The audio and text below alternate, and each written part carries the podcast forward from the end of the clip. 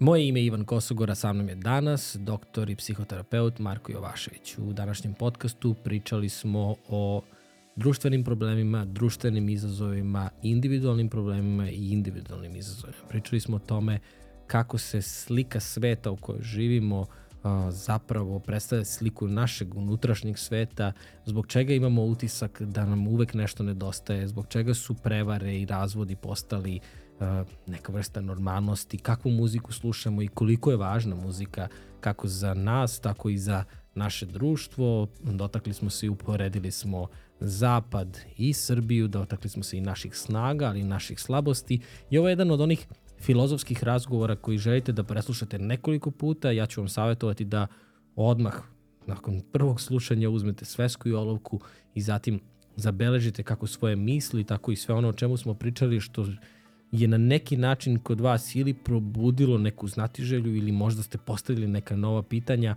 a možda ste i dobili neki odgovor. Definitivno je ovo jedan od onih razgovora koje ću ja preslušati nekoliko puta zato što smatram da svi imamo ličnu odgovornost da gradimo društvo u kom živimo, ali nismo uvek toga svesni i važno je da se i preispitamo, ali i podsjetimo upravo na tu obavezu koju svako od nas ima. Pre nego što krenemo, želim da se zahvalim i svim našim sponsorima. Oni se nalaze u opisu ovog videa, pokrenuli smo i newsletter. Ukoliko želite da se prijavite, da svake subote dobijate potpuno besplatno e, epizodu, najnovu epizodu u kojoj smo snimili kao i sve ono što sam pročitao u toku te nedelje ili snimio ili neke ideje i smernice, potpuno je besplatno, ostavite svoj e-mail i svaki subote vam šaljem. Naravno, ukoliko želite da nas podržite, najbolji način jeste da se prijavite na ovaj YouTube kanal, a sada svesku i olovku spremite i uživajte u podcastu koji sledi.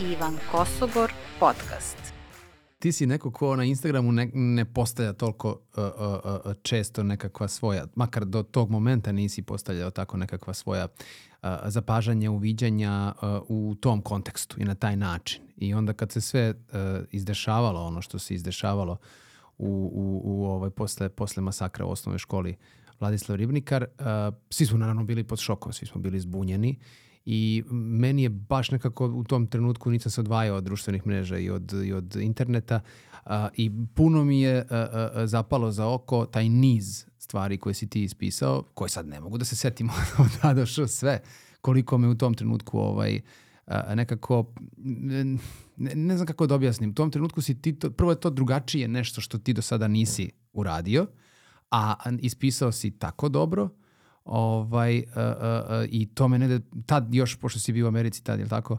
Ovaj, inspirisalo me je da, da bih voleo da se na tu temu nadovežemo i da na tu temu nekako malo popričamo i još bolje, jel, kad su se malo glave ohladile i kad je u tom trenutku su bile jako vrući i sve to napisano u, sa vrućom glavom, a, što uopšte jako je na mestu, iako je glava bila vruća, pa da negde kad se izmaknemo malo da imamo kako to izgleda kad prođe, kad prođe vreme i kako ćemo sada gledamo na tu istu priču.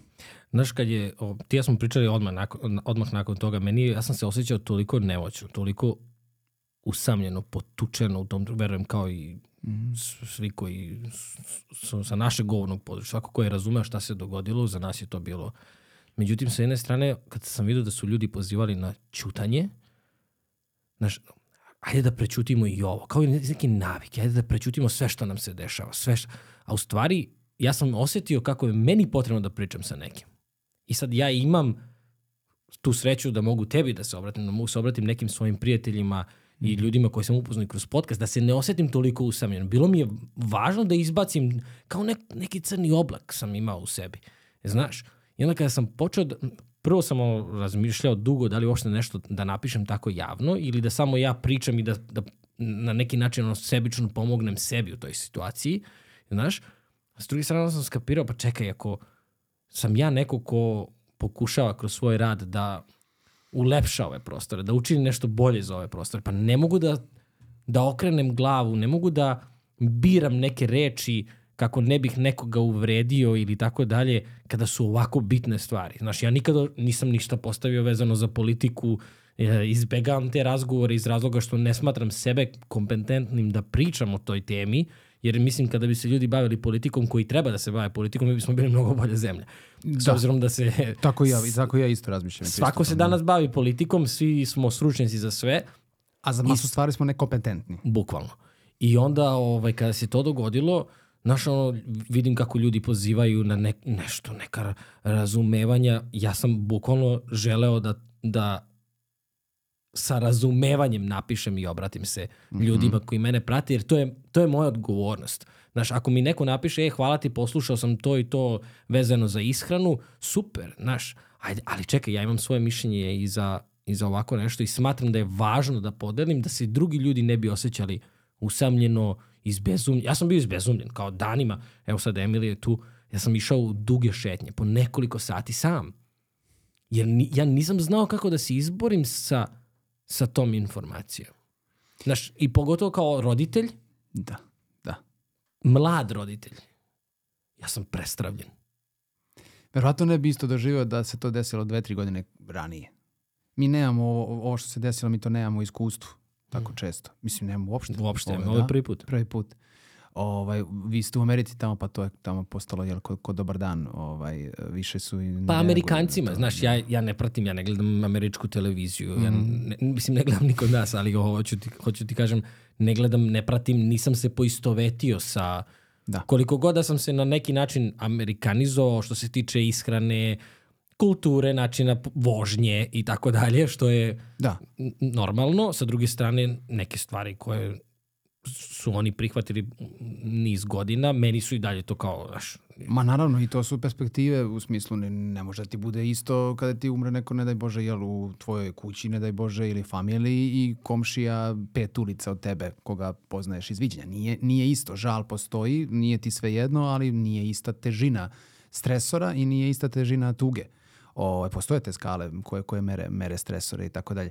O, što je negde i u ovoj priči. Znači, mi čujemo neku vest iz Amerike, to nas onako zaprepasti na prvu loptu, to jeste ono, ono bom- bombastična vest i to su prepune vesti takvih stvari, zašto ljudi reaguju ovaj, strahom na, tu, na, na, na, na te vesti, ali ovo, ovo je u našem dvorištu, ovo je u našoj kući.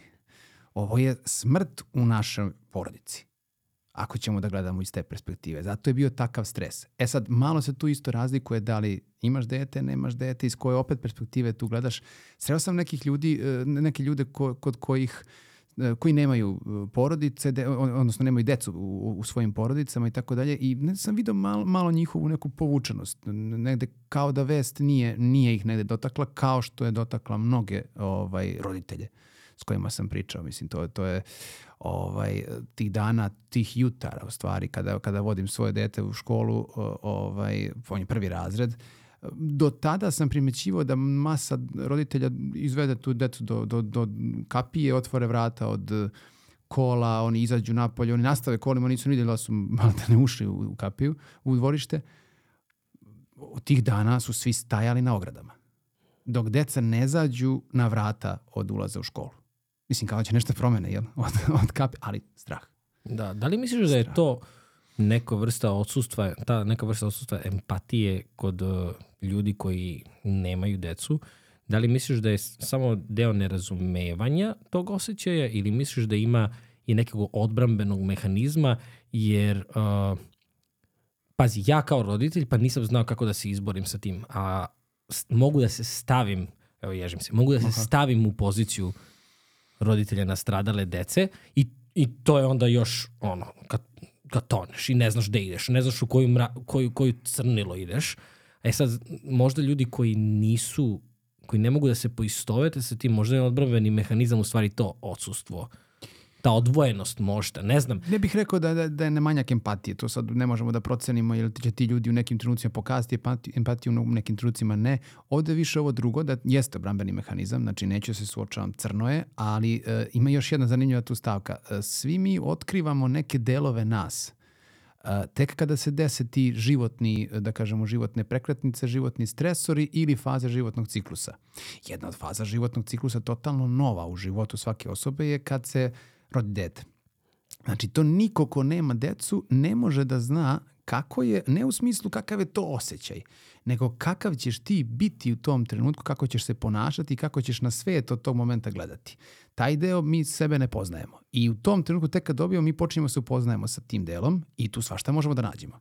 Možemo da nađemo lepe stvari u smislu da nas je to produh, napravilo od nas mnogo, mnogo produhovljeniju osobu, mnogo angažovaniju, uh, ali opet možemo da se ne snađemo u toj ulozi. Koliko ima ili očeva ili majki koje, koje se nisu snašle u toj ulozi i onda su počeli da beže od te uloge ili ne rade, ne rade tu ulogu onako kako bi trebalo da se radi i tako dalje.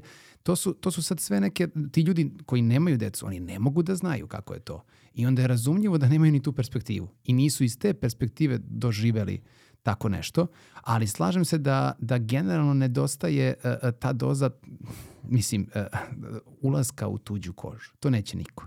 To mislim da, da čak ljudi nemaju ni prostora, ni vremena, ni lufta u svom životu da, da se tako lako bace u tuđu kožu, pogotovo kad je neka teška situacija ili kad je nešto teško i da zamisle sebe, ne znam, 5 minuta, 10 minuta kako bi oni živeli u tome, da osete svu neprijatnost te fantazije u koju bi se uvukli mislima, pa kad izađu iz nje da vide da to nije sve jedno ili da je u stvari uživo to sto puta gore nego u samoj fantaziji. Ti to ne možeš da doživiš dok, dok ti se ne, ne desi ovaj, uživo. Tako da ovaj, ne, ne znam šta je u njihovim glavama, ali i u njihovim emocijama u tom trenutku i da li su obrambeni mehanizmi ili ne poznaju taj deo sebe, ali generalno to je samo dokaz da svi različito reagujemo na jedan isti stresor. I to je negde normalno. Mislim, ne možemo svi isto reagovati, to nema šanse. Ne bi ni valjalo. Da, da li misliš da postoji neka zdrava granica uh, u smislu vežbanja ulaska u u tuđu kožu, o zamišljanja. To ne može svako. To je, to je takozvani worst case scenario u nekim psihoterapijskim tehnikama se koristi jako često, ali ne sme da se koristi bilo kad, ne sme se koristi kad je uh, klijent u nekakvoj fazi koja nije, nije adekvata za tako nešto. Mora se proceni da li on ima snage da to izdrži i tako dalje. To je klasična jedna, da kažemo, fantazijska uh, ovaj uh, neka vrsta mislim sad koristimo te termine kao fantazija i tako mislim to nije fantazija to zatvoriš oči i zamišljaš sebe ali si u sigurnom okruženju znači tu smo ti i ja ja ću pet minuta da zamišljam neki najgori mogući scenarij koji može meni da se desi u porodici pazi ovo je jako jako škatljivo zbog toga što naš narod Uh, pa i generalno i ostali narod, ali naš pogotovo negde ima strah od toga nemoj tamo prizvaćeš. Nemoj u to negativno da, da ti se ne bi desilo nemoj razmišljati tako jer će, znaš, e, e, pupu daleko bilo i tako dalje. I onda ti ako pokušaš sebe da stavi, mi prirodno nismo, nismo ovaj, naučeni da je to dobro. Da staviš sebe pet minuta u neki loš scenario, da doživiš sve emocije, svu neprijatnost tog scenarija, nije to lako, to je teško, boli. I onda da izađeš iz toga, staneš, udahneš, sačekaš koji minut, popiješ koji gutljaj kafe i vode i onda kreneš i kažeš, ok, za koje se grane ja hvatam u tom trenutku? Da li ću ja nastaviti sa životom u takvom trenutku? Zašto ću da nastavim da živim, šta će biti moj smisao života ako se taj worst case scenarij desi? I naravno konstruktivno razmišljanje gde, koja grana, prva, druga, šta ja radim sad u životu. O, mislim, ja sam to radio kada, dok sam rad, na ličnom radu, jel, na, na, psihoterapiji, mene moj, moj terapeut uvodio u takve stvari, to me uvodio u nekim trenucima koji su bili jako, onako nekako, imao sam jedno dete tada, dve, tri godine. To, to su bukvalno fantazije da ti iz straha kad imaš dete, jel, uvodiš sebe u tu neku moguću fantaziju, šta ako se desi nešto loše? Šta ja u tom trenutku? Kako, kako ću ja živim? Kako, za šta se hvatam? I onda kada prođeš to i ipak se uhvatiš za neke grane, malo ti bude lakše. Mislim, bude ti lakše u smislu zato što nekako smanjiti, smanjiti tu dozu nepotrebnog iracionalnog straha koji imaš u sadašnjem trenutku. Jer hvala Bogu ništa se ne dešava. Sve je okej. Okay. Sve je okej. Okay. Ali nas, na, nama pravi problem u stvari uh, uh, ta naša anksioznost, odnosno razmišljanje u budućnosti, šta ako se desi nešto loše? To nama pravi problem u sadašnjem trenutku u kome se ne dešava ništa. Ako sam te razumeo, kod nas u, narodu kažeš da je problem uvesti sebe namerno u te neke loše misli, da, Jest. jer slutimo da to može da se dogodi, Tako je. ali sa druge strane koliko zapravo vremena provodimo u ne, negativnom, konstantno, svakodnevno, ne, nesvesno. Nesvesno i nekonstruktivno. Mm -hmm. Mi upadnemo u to i mi, mi su stvari zajašemo onog, onog divljeg zmaja koji nas vodi, uopšte mi njega ne jašemo, nego, nego on nas priveza za sebe i vodi nas kroz nekakve tamne odaje, kroz svašta i razbacuje nas i ubija nas na sve snag. To ljudi nemaju kapaciteta, većina ljudi nema kapaciteta za tako nešto. Zato sam te pitao, da li to vežbanje može da nam pomogne da kada te neko naravno, ne, ne, ne kažem sad sam. I kad kažem vežbanje, ograničavam se da to nije svakodnevno neka rutina. Ovaj, ali da li to kada svesno uđeš u, u, u taj proces zamišljanja tog najgore. Pazi, to je vezano i to se pojavljuje u stoi, stoicizmu i u raznim drugim Jeste. ovaj, aspektima i pravcima. Ovaj, ali hoću da ti kažem, da li misliš da kada bismo više svesno ulazili povremeno, da li misliš da bismo onda to svakodnevno smanjili? Jer bi nam bilo lakše da prepoznamo, aha, čekaj, ovo je ovo sam već prošao, to, ovo je, znaš, jer ima jedna super ovaj, vežba, Tim Ferris je to pričao vezano za njegov biznis. Pazi, sad smo prešli malo sa teme, ali vratit ću se. Gde on kaže pre nego što ode na odmor neki duži, on zamisli sve najgore šta može da se desi u biznisu njegovom i onda kaže, aha, ok, ovo, ovo neće, da, neće ići prodaja, neće ovo. Kako mogu to da sprečim pre nego što odem? Šta mogu da uradim da napravim automatski? Znači, on je zamislio najgore, video rešenja i spreči. Bolje sprečiti nego lečiti. Yes, kao Znaš, neka preventiva, da. sad, to je na nekom, mi smo počeli da pričamo na nekom dubljem nivou, ali hoću ti kažem, postoje te tehnike svuda. Tako je. Znaš, ako mi ne slutimo, ako, ako nas neko provede, Srbija je tog dana, svak, svak, svaki Srbin je ono postao pacijent. Treba, trebalo je svakom, sva- svakom od nas je trebao terapeut Da. tog dana. Da, da. Svima. Nekakva terapija je bila potrebna. Nešto, da. Jeste. Znači, da li, zato sam te pitao, da li to vežbanje može da nam pomogne da prestanemo nesvesno da se bavimo svim tim negativnim mislima, da, da hranimo tog zmaja, sviđa mi se kako si napravio tu metaforu, da hranimo tog, tog zmaja koji nas sve više i više uvlači u tu neku, mm, to je neko nezadovoljstvo koje je postalo normala. Jeste, jeste. E, Do, dobro si ovde rekao. E, Postoje te dve, dve nek, dva neka aspekta, mislim, u, u, celoj ovoj priči. A, koliko mi možemo emocionalno da podnesemo tu, tu stvar, to je jedna, da kažemo, jedan trening. Jedan deo treninga je koliko možemo taj emocionalni deo neprijatnih emocija da, da izdržimo. A drugi je koliko nakon toga možemo da budemo konstruktivni i da gledamo rešenja. Jer ako ostanemo tu, ništa nismo uradili. Jel? Ovaj prvi deo je možda najteži. To je u stvari najteži deo. Zato što, odnosno ovaj drugi deo sa, sa vezan za rešenja ili bilo kakav konstruktivni put ne može da funkcioniše dok mi ne smerimo naše emocije. Ti si rekao da si šetao tih dana jako puno. To je sasvim normalan brambeni mehanizam i to je ono što ja savetujem svima koji imaju anksiozno panični napad ili se tako nešto dešava. Ne ostaju u sobi, ne ostaju u stolici, nemaju krevet. Idi napolje i brzo šetaj. Zašto?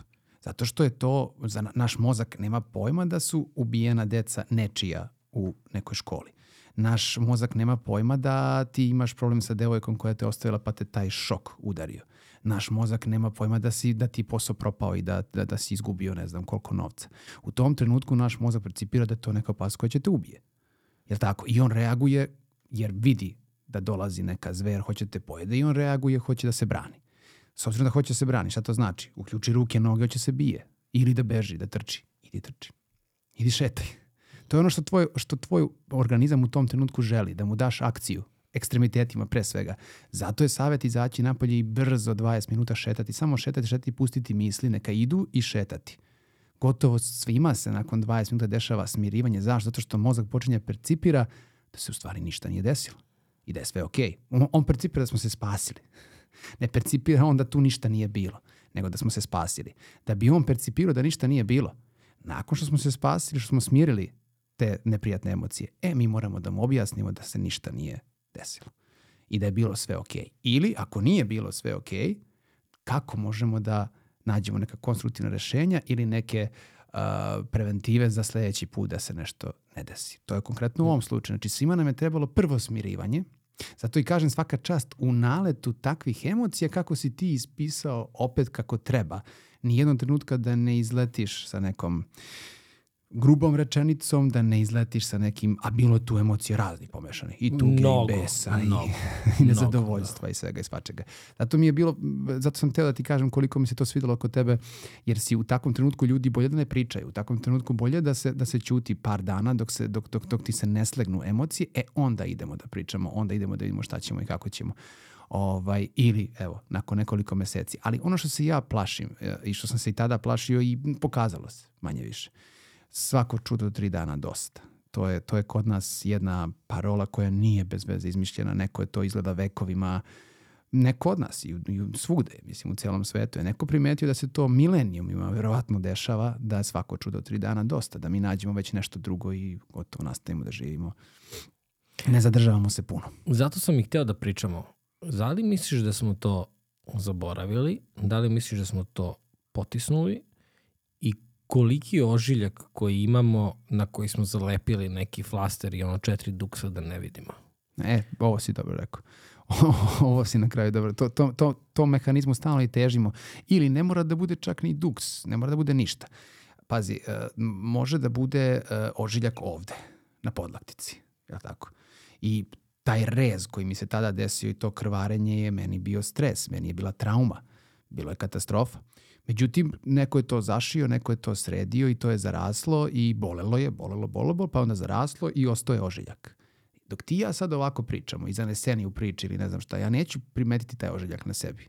Dok vozim kola neću ga primetiti kad šetam, kad gledam film, kad sam nede. Ali u nekom momentu ću slučajno ovako da pogledam i vidjet ću ga na ruci i u tom trenutku će me ta e, emocija udariti.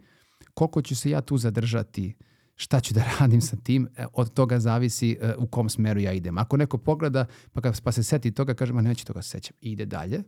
Dobro, to je jedan način, a drugi način je pogledam ne, kako sledeći put može da se ne udarim. Što sam se udario? Što je moralo tako?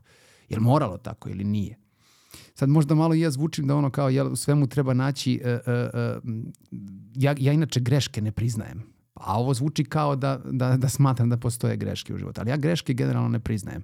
Zašto? Zato što ono što ti je danas greška, pa se za pet godina ispostavi da si dobio nešto dobro, dobio si zbog ove greške. Između ostalog, ta greška je bila u putu dobrih stvari koje su se desile ka nečemu. Eto. Samo si u tom trenutku percipirao da je greška. I to je sve. Tako da ne, ne želim da idemo, da idemo u tom smeru da mi sad treba da se kajemo zbog nekih događaja ili nečega, na primjer kao što sam dao ovaj primjer sa rukom i tako dalje. Poseko si se, poseko si se, to je neminovno, to je činjenica. Mogu li sledeći put da se ne posečem? Šta sam, koje korake sam napravio pa sam doveo sebe u tu situaciju? Ko se bavi takvim analizama? U korporacijama, da. U firmama, da. Kad treba da se donese novac. Kad je profit u pitanju. Tako je, onda sečemo i uzduži popreko i, i tu i postoji risk management, jel tako? Tu ne postoji ta, jel, srpska, nemoj razmišljati o negativno, da će se negativno. Ne, risk management je upravo razmišljanje o negativnom. U svakoj kompaniji, u svakoj firmi. Znači imamo backup novac, imamo šta radimo ako se desi ovo, šta radimo ako se desi ovo, ili kao on, je li otišao na more pa je napravio neke preventive, jer zna šta se može da se desi, pa ako se slučajno to desi, radit će to i kad on nije tu. E, zašto je tako, mislim, zašto nam treba motivacija profit da bi to stavili negde ili postavili isto tako nešto, negde po sličnom principu gde nema novčanog profita, ali ima profita duhovnog, ima profita, mislim, ko pravi novac, ljudi prave novac, znači praviš ljude. Mislim, to, to ne ulažeš u čoveka, u Ok, dete. sada si rekao tu ključnu stvar, a to je duhovnog. Mislim da ovaj, uh, prvo samo da kažem da sam prošle nedelje došao iz Amerike, tako je da, da i dalje upoređujem apsolutno sve sa Srbijom i to je nešto što je prirodno. Kada odem u Ameriku, sve upoređujem isto i govorim kako je Srbija ovo bolje i ovo. ono. Kada dođem iz, iz Amerike u Srbiju, onda vidim šta je bolje u Americi, šta sam ostao i tako dalje. Međutim, ne, ne, ne želim da se neko sad uhvati i kaže, a mi smo se amerikanizovali i tako dalje, ali duhovno smo definitivno izgubili u narodu, a to je bilo nešto naše najjače. I uh, od, ne znam, ja se sećam i, i moje veronauke u školi koja je više služila za to da mi sedimo, pustimo radio i slušamo utakmicu, ako neka, neka utakmica ima dok veroučitelj sluša sa nama ili nešto blene kroz prozor i tako dalje. To je ono što se ja sećam. Moje veronauke, ne znam da li uopšte veronauke dalje postoji u, u školama. Ima kao izborni predmet, da. Izborni predmet, da. A, od te prakse koju smo potpuno a, izgubili, a to je ta vera naša zapravo, koja nas je držala svih ovih vekova i kad god se kunemo da smo nebeski narod, da smo neuništivi i tako dalje, to nas je sačuvalo. Mm -hmm. a, mi smo počeli da, ja sad se vratim ovde, ja samo čujem američku, englesku muziku, uh, nema, ja sam željan sam sarme, punjene paprike, uh, samo burgeri su sada postali Jeste. popularni, uh, Smash burger. smash burgeri, tako je, da, da, stvarno.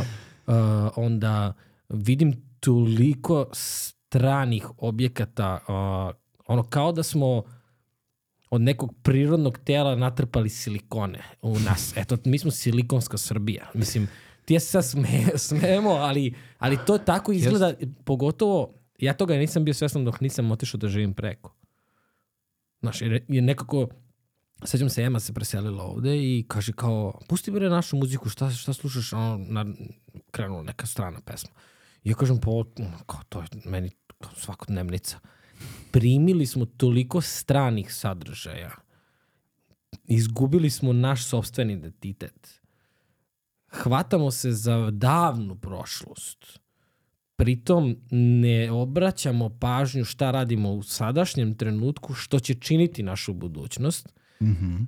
Na, ne znam, na Instagramu mi nekad iskoči o, sa rođendana 10, 10 godina imaju, a pevaju najgore moguće naše pesme, po znacima navoda, to su ove što sada ne znam. Mislim, ja sam slušao neki, neki rap u, u, u tom nekom periodu 12-13 godina, neke elitne odrede i tako dalje. Ne. A ti oni sad deluju, deluju Nije lepše. bilo ovako, ne, ali nije bilo ovoliko strašno koliko je danas. Je. Da neko peva sa 10 godina, da će da ide na prostitutke, kokain i ostalo. Ja prvo nisam ni znao šta je kokain sa 10 godina. Ne, mislim, znaš, kao, kada sve to uzmeš u obzir, gde smo mi kao društvo? Jer ovo kada se desilo u... Ja sam, ja, tri i po godine smo tada radili podcast. Ja sam svaki dan živeo za ovaj podcast. Znači, to mi je bilo, ok, imam smisao, imam svrhu, nešto što radim, znam zašto radim. Ja sam se zapitao da li ima smisla raditi ovo više. Kome, a, kome ja kao neki podcaster pružam prostor da priča ukoliko mi više nemamo to društvo koje ja u svojoj glavi kao fantaziju imam. Da. Znaš, i zato je, to je prelomilo kod mene, aha, ok, obratit ću se ljudima koji me prati iz odgovornosti da i hoću da pokrenem društvene teme. Znači, mi, ja neću da upirem prstom, Tako je. jer to nije moj posao. Ali moj posao je da otvorim prostor za društvene teme. Gde smo mi kao društvo? A koliko si mi sad tema otvorio, znači pok- pokušavam da... da, da, Češ da pišeš da... daj, daj mi laptop. Ne, idu, idu mi tri smera, mi idu, idu misli dok si sve ovo pričao, dok te slušam. Ovaj, Koja tri, kažem? I ne znam, ne znam kako da krenem. Prvo, prvo si me asocirao na, na, na mene kad sam bio u prvom razredu osnovne škole. Ovaj, jer ja sam 90. Ja sam 92. Ovaj, krenuo u prvi razred osnovne škole. To je prva stvar. Druga stvar, me, odmah si me bacio na, na kad si pitao gde smo mi društveno, ovaj, moramo da sagledamo skalu u poslednjih 100 godina. O čemu se u stvari radi ovaj, u, u svetu. I, i, ovaj, i plus si me asocirao si me na neke, na neke realitije, na neke svadbe, događaje, neke koje sam umeđu vremenu primetio i onda nekako vidim kroz te primere, vidim de, de, šta se dešava. I plus si me asocirao na onaj e, čuveni eksperiment, možda jedan od prvih nekih psiholoških eksperimenata urađen sa onim malim Albertom, bebom, dečakom, jel? Kome su puštali, kome su ubacivali u, u, ovaj, u tu prostoriju gde se ono igralo sa nekim kockicama, upacili su mu miša malog. I prvi put kad su mu ubacili, prvi, sad parafraziram ceo eksperiment, mislim ko hoće može stvarno da izgoogla da nađe odličan eksperiment, puno je pokazao, ovaj, beba se igra, dete se igra sa, sa mišićem. Ništa se nije, nije uplašilo, ništa se nije iznenadilo, malo ga je ispitalo u nekom momentu i to je to da bi kasnije krenuli da mu puštaju e, tog istog miša, ali sa muzikom koja je onako kao iz Hitchcockovih filmova sa onom horor, horor zvukom iza, dete počne plače i da vrišti kad god miš uđe unutra. I to me sad asociralo na momentum ove, ovih e, muzike, na primer, u celom ovom dešavanju. Ja se sećam 90-ih, uh, uh, moji roditelji su gajali neki kult drugačije muzike od onoga što je bilo u tom trenutku, za razliku od 90% mog odeljenja u osnovnoj školi i uh, moj otac ima ploče, to su ra, na, na, razno razna neka muzika i tako dalje, ovaj, od, od uh, bluza, džeza, roka do nekih starogradskih pesama. U tom trenutku su bili 90. i bilo je Dr. Iggy Moby Dick uh, i cela ta ekipa, cela ta postava. Ja to nisam slušao, ovaj, jer se u kući nije slušalo i kada god bih otišao u školu i mi smo imali muzičko ovaj, i na muzičkom se, smo uglavnom pevali pesme. Učiteljica prozove da neko izađe i da opeva neku pesmu. To je bilo muzičko. Ja sam izlazio i pevao ovaj, kad sam bio mlađan lovac ja ili ne znam nije od Zvonka Bogdana nešto, a ovi su pevali oči boje duge i obsesija i tako dalje. Ovaj, da bi jedna devojčica jednom, re, to sam kasnije čuo da je rekla svome ocu, ovaj, što ti mene ne naučiš onako lepe pesme kao što je ovaj, Marko tata naučio njega.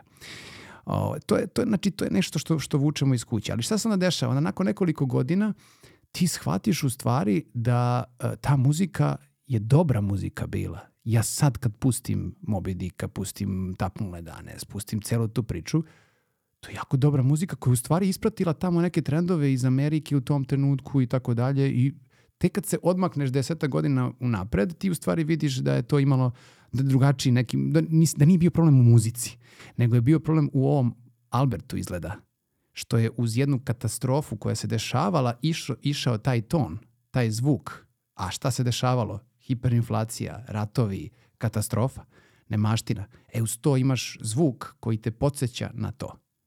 I to je ono što, što pravi problem, taj, da kažemo, psihološki problem. Sad, ako uđemo dublje, naravno da ćemo u ovim tekstovima danas vidjeti jednu blagu katastrofu ovaj, od ovih što danas pišu tekstove za muziku, to, to više veze sa, sa poezijom nema.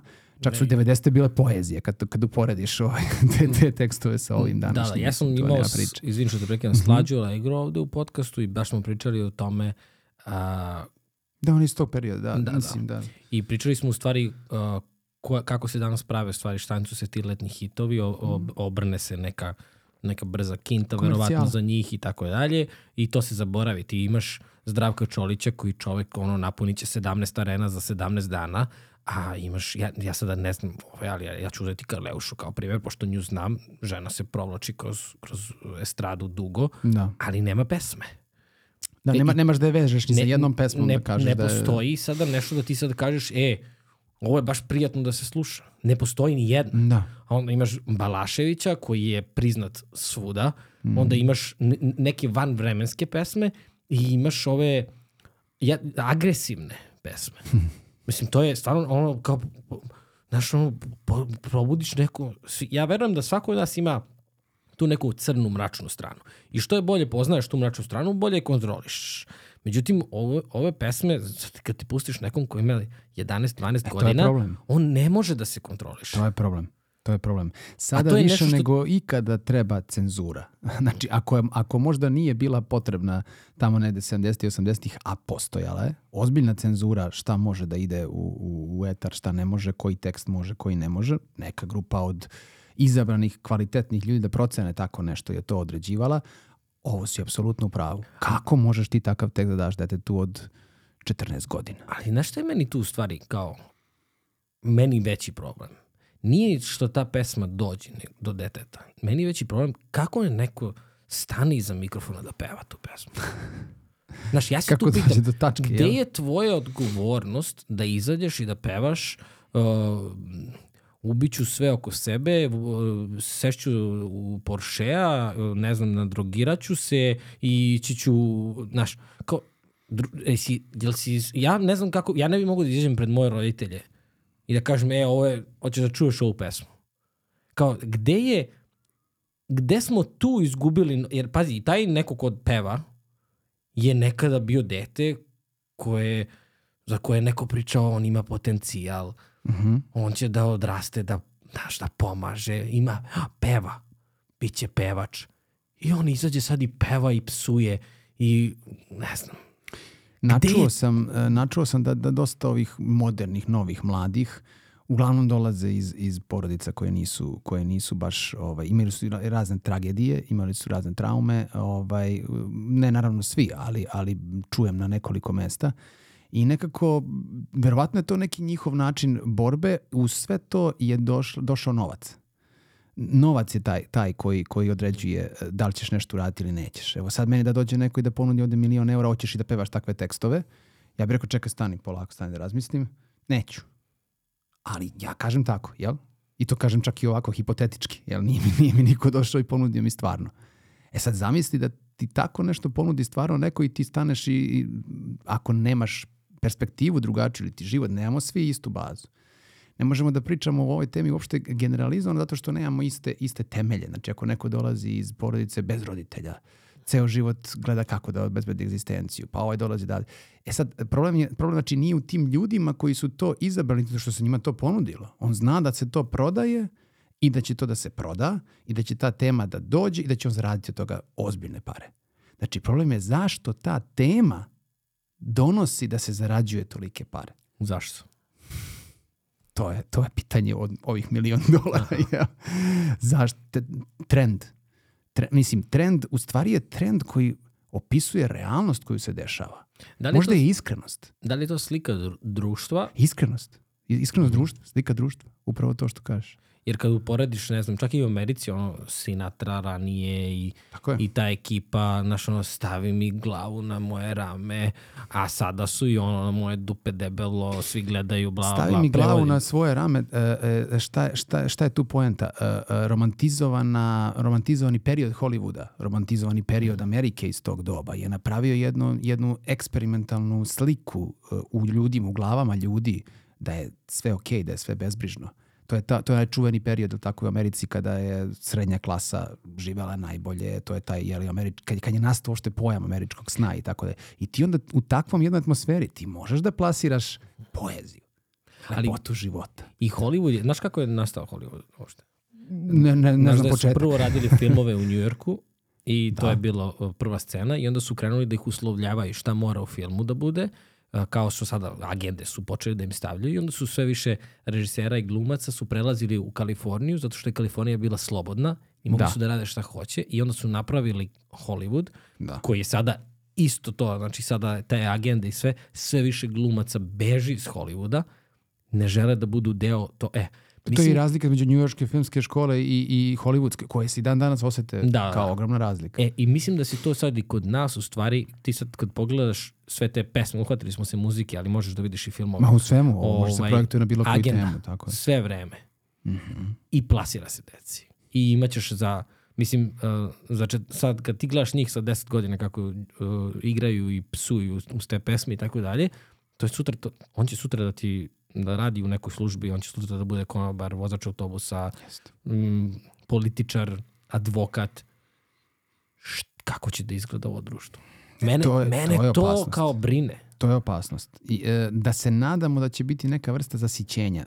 E, sad se vraćam na ovaj, na ovaj deo e, što, što me isto navela ova cela tvoja priča a, a, m, gde smo kao društvo i šta se ovo dešava, jel? šta se u stvari izdešavalo i to se nije izdešavalo danas i nije se izdešavalo pre dva dana. Ja nekako tu uvek gledam makar 100 godina unazad šta se u stvari dešava. Ovaj, I ako ćemo da izdvojimo u poslednjih 120 godina ili 100 godina, svejedno, ali ajde, 120 e, dva ključna događaja na, na svetu su prvi i drugi svetski rat, nema šta u istoriji. Ali treći jako bitan događaj na koji svi zaboravljamo je Berlinski zid, pad Berlinskog zida. To je moment u stvari gde uh, jedan eksperiment koji je Marks fantastično zamislio, ovaj, čak oslanjajući se na, na, na određene ovaj, filozofe koje su danas jako popularni, osjećaju, oslanjajući se na neke antičke filozofe i tako dalje, napravio jednu utopijsku priču kako bi to moglo da izgleda, jel? Kad smo svi jednaki, kad je sve jednako, kad postoji sve ono raspodela i tako dalje, tako dalje. I imali smo taj eksperiment. E, taj eksperiment je pre, sve, pre svega, šta je Marks prvo uradio? Ugasio religiju. Je tako? Znači, ubio duhovnost. To je ovaj opijum za narod, je tako? I u, time i nabaždario racio da bude mnogo jači od emocionalnog dela. Emocije su se gurnule u potisnutost. Znači, ovo što ti i ja danas pričamo, to je bilo nezamislivo. Uh, psiholog, psihoterapeut, imaš anksioznost, nemoj, idi radi, zaludan si i tako dalje. Po tom jednom principu je taj uh, ceo sistem funkcionisao B, mislim, na nekim momentima mi je bilo jako, jako dobro, pokazalo se u nekim segmentima izuzetno dobro, Nije moglo da se desi da tek tako neko ubije nekoga u školi. Nije moglo da se desi da se, sad ti buniš što nećeš da primiš ovo, nećeš ovo. Kakva vakcina, kao, znaš, to ono, meni baba priča, kaže, ovaj, kad je bila variola vera, kaže, strpali nas u neki autobus, odveli, kaže, na stadion u Čačku. Svima u redu i vratili nas, kakvi nus efekti, da viš da li ćeš imati nus efekte, nećeš i ostati. Mislim, eto, to, to su bili taj deo. E sad, i u nekom trenutku su ljudi rekli, ne bre, ovo ne valja, bre, ovo nije normalno. Znaš, ovo, ovo je previše represivo, previše te neko nadgleda od ozgo i zabranjuje ti određuje ti previše pravila, previše nema slobode, nema ovoga, nema onoga. Znači, taj sistem je otišao i udario u levi zid. O, ove dimenzije. Imamo samo levi zid i desni zid, nemamo ništa između. Odbili smo se od taj zid. Znači, nismo probili taj zid. Ne može se probije zid. Znači, taj, taj zid ne može se probije. A, a, mi ga nismo probili tada, ljudi ga nisu probili, nego su se odbili od njega i munjevito krenuli u desnu stranu. To je pad Berlinskog zida. I to je početak drugog sistema, kapitalizma, je li tako? Koji je dao neke, koji je vratio religiju, vratio duhovnost. Ali gde je vratio da ne vadim novčanicu od jednog dolara, to mi je neka srećna novčanica, kao nosim je u novčaniku, ali, ali stoji uh, uh, in God we trust. Znači, zalepi Boga na, na novčanicu, zalepi Boga ovde, znači pusti Boga i u ime Boga, ali zarad profita. Ali- zarad profita. ali su i napravili mm, nove religije, nova Tako je. božanstva, k- novac jedan od uh, popularnost Tako je. koja do tada nije bila. Znaš, ti sad kad gledaš futbal, pre 100 godina futbaleri su bili ono uh, zabava za elitu, Tako je. danas su je elita koja se gleda.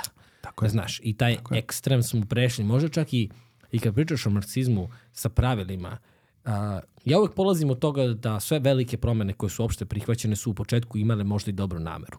U smislu Jesu. da, dali su im tri pravila i rekli, e, da, ljudi, idemo po ovim pravilima, super, plodovi vidimo. On kaže, ha, dao sam im tri, daću mi pet. Daću mi 15, daću mi, e, čekaj, 55 pravila, nem, nemam više slob, slobode. Znaš, e tako isto i kapitalizam. Krenuo je u nekom dobrom pravcu, ljudi su videli, ha, osjećam se bolje, sada smo ugušeni. Jeste. E, na šta bi se samo vratio? Na ovo što si sad rekao e, vezano za, za taj period komunizma i pre. E, ti i ja ako radimo u istoj firmi i isto zarađujemo, ali ja se više zalažem ili ja sam više kreativniji, imam neke veće ideje ili zaista sam više radio od tebe, mislim, ili sam više doprinao tome i osjeti, osjećam to. A na kraju meseca dobijemo istu Isto. platu. Znaš, on, to ne može u čoveku da, da izazove mir. Nikako. I to se i zato je zato je između ostalog i pukao taj sistem negde. Zato što su ljudi različiti u svojim bazama, osnovama, aspektima, talentima i svim ostalim. Ali ako ti to pustiš kao što je pušteno da ode u drugu krajnost i uh, ljudi kažu pa čekaj mora da postoji da ne bi bila anarhičnost. Evo ga anarhičnost. Kad dobro smo putu anarhije, a anarhija je u stvari udarac u ovaj desni zid. Ako je ovaj levi zid bio zatvor, uslovno rečeno, onda je ovaj desni zid anarhija. I mi smo jako blizu, odbi, tako što smo se odbili od ovog zida, kao ovamo, da udarimo u taj uh, desni zid. Ja se iskreno nadam da taj udarac će biti udarac i vraćanje ka nazad. E sad, nada opet, jel, da se nećemo odbijati više, jel, taj samo, samo su, kako ono u fizicima, samo taj prvi udarac je jak, a ovaj drugi idu sve slabije i slabije, dok ne dođeš u neku oscilaciju i shvatiš u stvari da nije problem ni u komunizmu, ni u kapitalizmu, ni u, uh, uh, da je problem na kraju kraju ono što smo malo prepričali, uh, uh, kako, znaš, kad postavimo sa pitanje kako, da, da, da, da nema više ove muzike, da nema više ove, da nema... mržnju nećemo sigurno. Kako, ne znam, sada kažem ljubav, ljudi će kažu dobro šta je ljubav, da, da to neću da kažem, a mislim na ljubav, a znam sigurno da nije mržnja i da mržnja neće doneti tu ništa. Jer, uh, evo iskreno, da podelim s tobom, pre neki dan mi je sin pokazao, nek, mislim, moj sin ima 8 godina. I neko mu je puštao, ne klinci, igrali su se celo leto zajedno i sad dokopali su se neko telefone i na YouTube-u je neko pustio od ovih pesama jednu ovu što si ti pominjao.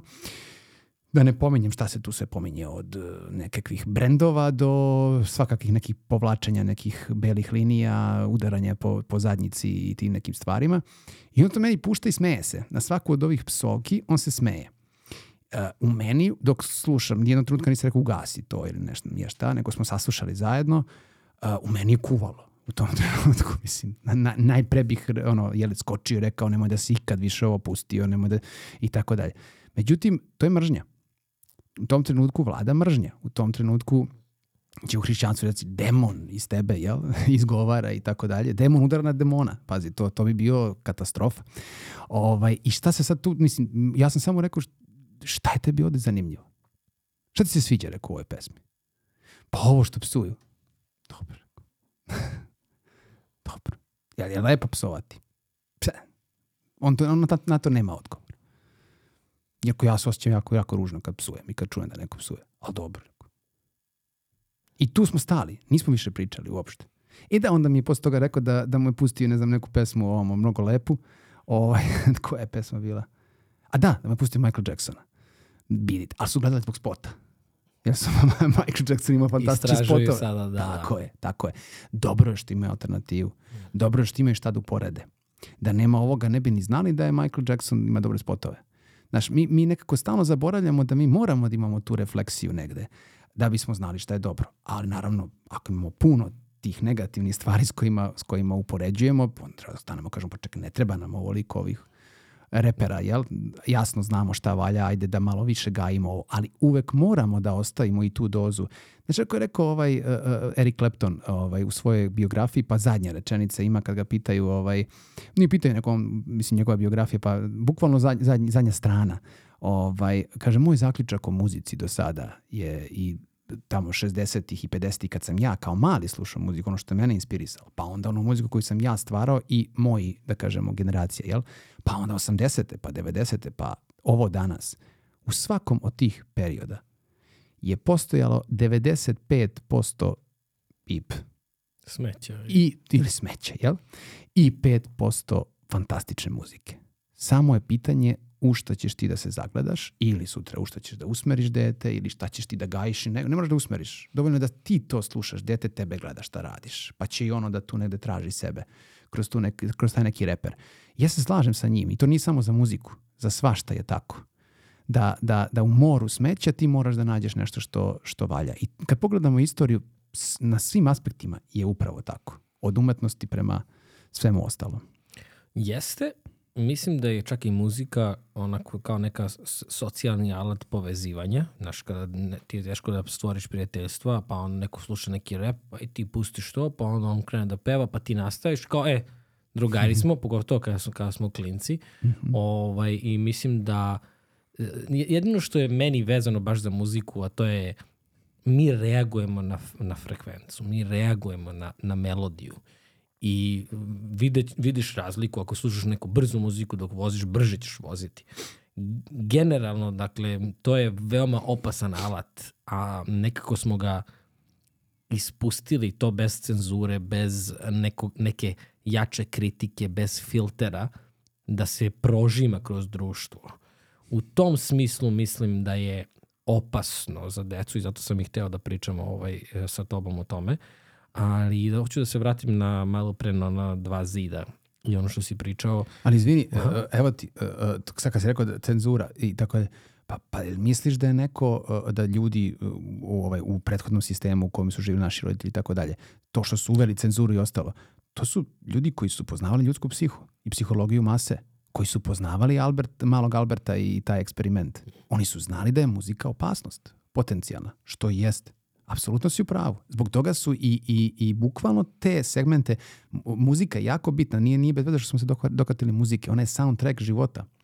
Da ti kažem, ja sam, ovo nisu kao moja, ovo nisu moji zaključi, ja sam čitao o tome. Da. Zato znam koliki je zapravo... Pa i ja sve što pričam, jel, da, ne, da. negde neko već rekao. Da, da, da. Ne, hoću ti kažem kao, uh, veoma opasna stvar koja je ono, tako slobodna da, da cirkuliše I kao s jedne strane, ja nisam neko ko smatra da treba sve da ima cenzuru i tako dalje, ali smatram da stvari treba da imaju jaču kritiku. Apsolutno. I da, da, nam, da smo izgubili ne samo duhovnost u našem društvu pričam, ne za Ameriku to me ne dotiče toliko, ne samo da smo izgubili duhovnost, izgubili smo i filozofiju, izgubili da. smo važna pitanja životna, šta je život, šta je svrha, koja je poenta, I zato danas imaš ljude koji preleću iz jedne stranke u drugu, ljude koji okreću glavu kada se u reku izliva.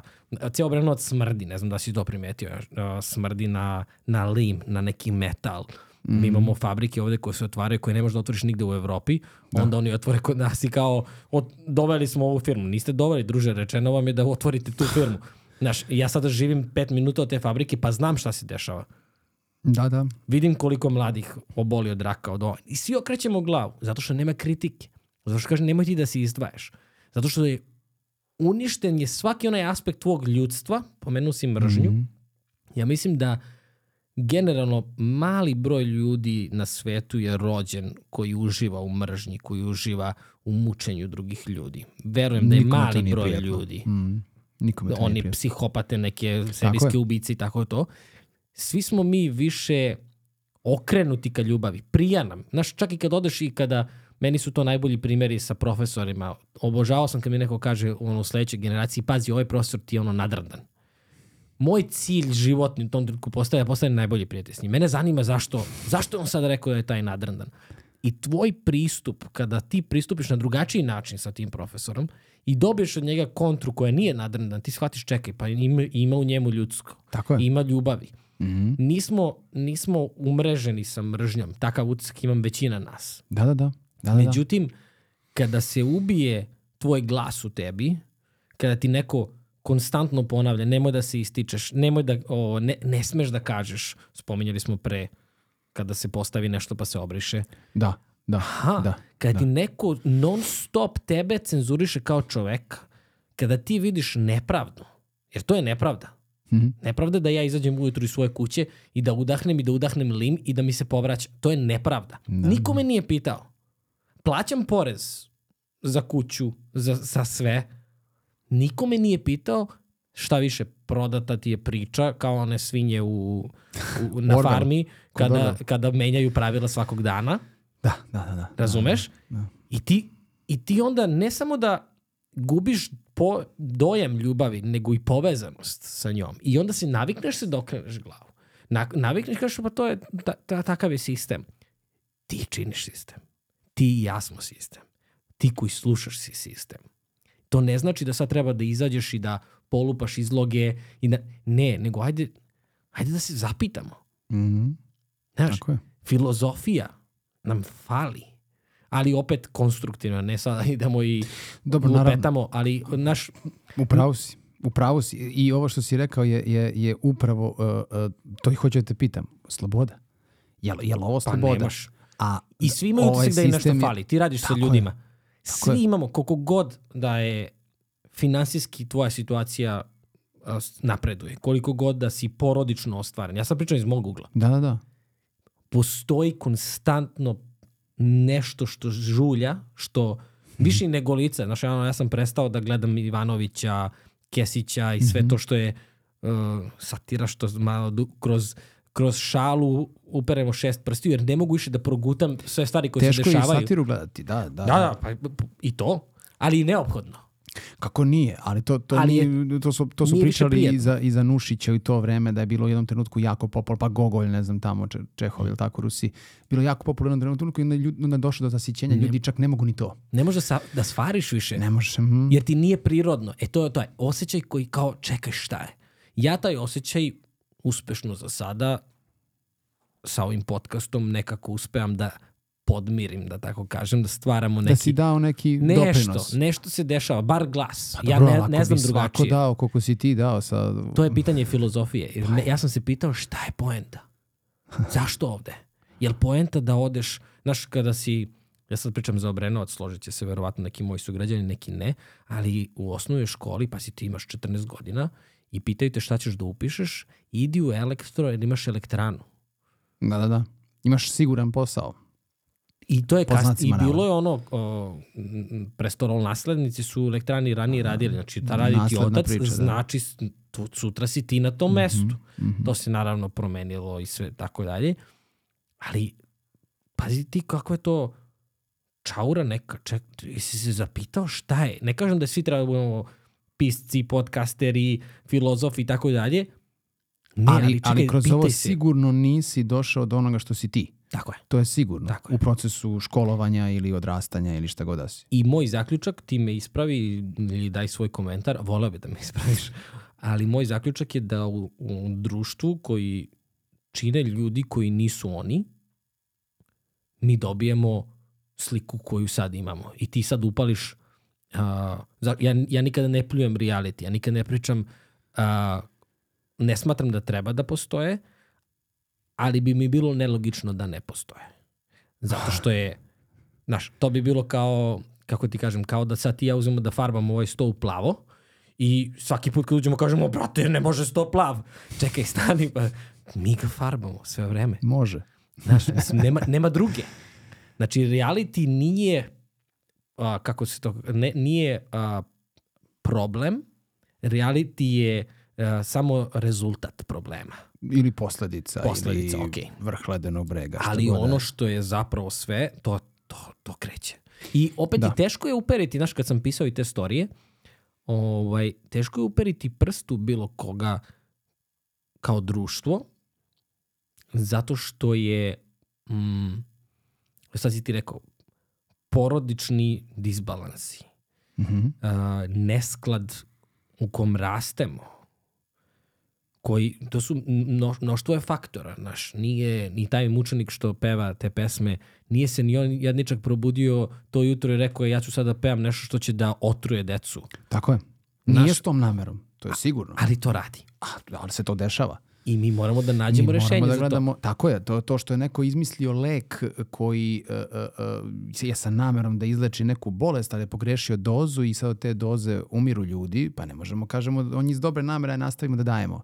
Čekaj bre, daj, da, nađemo tako je. dozu, da nađemo dozu ako to ima, ako to već ima neki efekat. Mada ovde ne pričamo o leku, ovde pričamo o nekoj vrsti intoksikacije, pa gledamo kako da bude manje toksično na neki način. Ne, mislim, ovo, ovo sad što si uh, uh, pomenuo reality je uh, previše je to bio upereno samo na jednu stvar, kao naš ono, reality, oni su krivi što se ovo desilo. Ne može to tako, mislim, to, to ne postoji u ovom svetu koji je sistemski povezan i gde je paukova mreža dešavanja i stvari, da ti upereš prstom u jednu tačku i kažeš to je problem. Uh, reality, ono što je kod reality, je, mislim, ja sam, ja sam za reality, znaš u kom smislu imam tu ideju, ono kao, jer reality treba da postoji, pa ne čak ni ono kao u Americi da ti plaćaš posebno kanal ako ćeš da gledaš, nego samo da smeju da gledaju psiholozi, psihoterapeuti i mladi studenti medicine koji uče psihijatriju ili mladi edukanti, psihoterapeuti i tako dalje. Misliš da bi bili bolje društvo? Pazi, nema, Izvukao bi zaključke. Nemamo svi, nemamo svi full praksu, znaš, nije, nije ni moguće izvesti je. I onda ne možemo da idemo svi u Palmotićevu, u, u Lazu Lazarević, ne znam nije ovo, da vidimo sve slučajeve i ne znam nije šta. Znači, ti kad imaš reality, ti imaš, ti imaš jednu situaciju u kojoj, u kojoj uh, uh, uh, je jedan eksperiment. Reality je eksperiment. Tu, tu uđu i normalni ljudi koji, koji, uh, koje izbaciš iz zone komfora, izbaciš iz neke uh, situacije. Ulaze ljudi koji imaju problema sa zavisnošću, sa raznoraznim stvarima, da sad ne ulazimo u te neke, u te neke aspekte. A, zato kažem da je to, da, da, da to, ako je to već eksperiment, a jeste eksperiment od koga, od koga neko zarađuje, zar to nije najbolje za nekoga ko će da vidi kako se čovjek ponaša u različitim situacijama? Jer ja ne znam sebe u realitiju. Ti ne znaš sebe u realitiju. Znaš, nikad nismo znaš, ušli u tako, to je ono što opet dolazimo, ono, ne poznajemo taj segment sebe, jer se nikad nismo suočili s njim, nije nas život natera da se suočimo s njim i, i tako dalje. Tako da reality, e, e, e, to, je- to je više moje zezanje, jel? Da, da bi trebalo da gledaju psiholozi i tako dalje. Ali e, ono što, što viđaš u realitima, sad polako počinješ da viđaš u realnom životu. E to je ono što je problem. Ja, ja sam išao po nekakvim svadbama, idem po nekakvim ono, događajima, u poslednje vreme se to desilo. I onda vidiš to, e, opet ono što je povezano, jeli, porodica, društvo i tako dalje vidiš nekakve segmente uh, uh, realitija, vidiš nekakve bračne parove koji uopšte ne obitavaju zajedno tu. Oni su razdvojeni, oni, su, oni dolaze razdvojeno na okupljanja, oni se ne viđaju međusobno, oni, oni, oni ne igraju na, na, na događaju zajedno, oni igraju s nekim drugim ženama i muškarcima. Te druge žene i muškarci njih napadaju tamo, ovi gledaju, to je sve normalno. A, a, znaš, pije se do, do, do, do, do granica gde se povraća, potuče se, a, a, a, konflikti su. Pa Zar to nije u realitiju isto? Znaš, Mislim, uvek je u kafani bilo tuče, uvek je, uvek je bilo prevara, uvek je bilo, ali da li je bilo tako transparentno? Da li je bilo bez sramote? I da li je bilo bez sramote? Da li misliš da je, da je to što smo oguglali na, na ovo, sve ovo što si sada rekao, to zato što se toliko smo gledali pa se prihvati, jer meni i dalje to nije normalno, kao iz moje perspektive, kad bih sve ovo što si sada rekao mi je kao malo i na granici čudnog, Znaš kao da li se to, šta se to dešava, gde si, gde si bio, na kojoj to svadbi ideš? Posle, posle kusta ispadne, ispadne blesav, jel sa onim njegovim ovaj, sve što, sve što Kusta i Tarantino budu napravili, ispoštavit će se nekad u, u vremenu da. da, će biti no, real, realnost. To je to. Ali kao, da li misliš da je to u stvari, šta misliš da je stvari proizvod svega toga? Jer ja, ja i dalje nekako gledam i em i moj brak i kada gledam, ne znam, moje roditelje, pa gledam tu da uzmem ono što mislim da je dobro, da i kad primetim nešto što, sam, što me ranije nerviralo kod mojih roditelja, pokušavam da to ne radim. Znaš, gledam da ja uvek polazim od te neke, ajde možda i to pitanje, uh, neke te odgovornosti lične, pogotovo mm -hmm. sad kad imamo dete. Znaš, meni je bitno da Vuk vidi da ja poljubim emu ruku. Ja, on ima 11 meseci, on ne zna, ja je zakalim kad nas on gleda. Pa, znaš, hoću da vidi nežnost, hoću da vidi ljubav, hoću da vidi moje poštovanje prema Emi.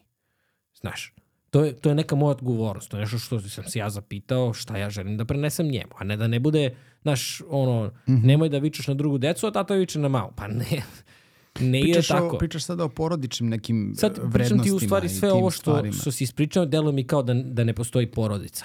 Pa je, jeste, to je, to je jedna tema. A, a druga tema je ono što si malo preko i filozofija. Mislim, u kojoj filozofiji mi definitivno obitavamo. Ako ne obitavamo u nekakvoj religijskoj filozofiji tipa hrišćanstvo, islam ili ne znam je šta, gde su jasno regulisane pravila, po znacima navoda, u stvari ne po znacima navoda, nego su zaista zakoni i pravila, ne, ne čini preljubu, ne radi ovo, ne radi ovo, ne radi ovo. E, I tebi se sad to ne sviđa, jer, jel ti ne de gasi tvoju slobodu i ne znam nije šta. I ti onda prelaziš ka jednoj filozofiji koja je jako prijemčljiva, jako dobra, jako zvučno zanimljiva, a zove se egzistencijalistička filozofija, jel?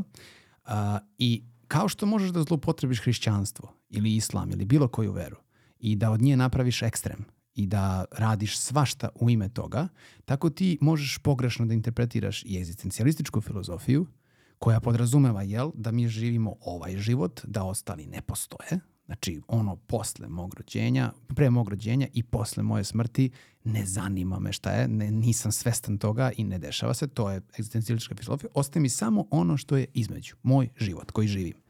To ne znači, a može da se interpretira pogrešno ili radikalno, kao što neko interpretira ove religije, da je to hedonizam do ludila.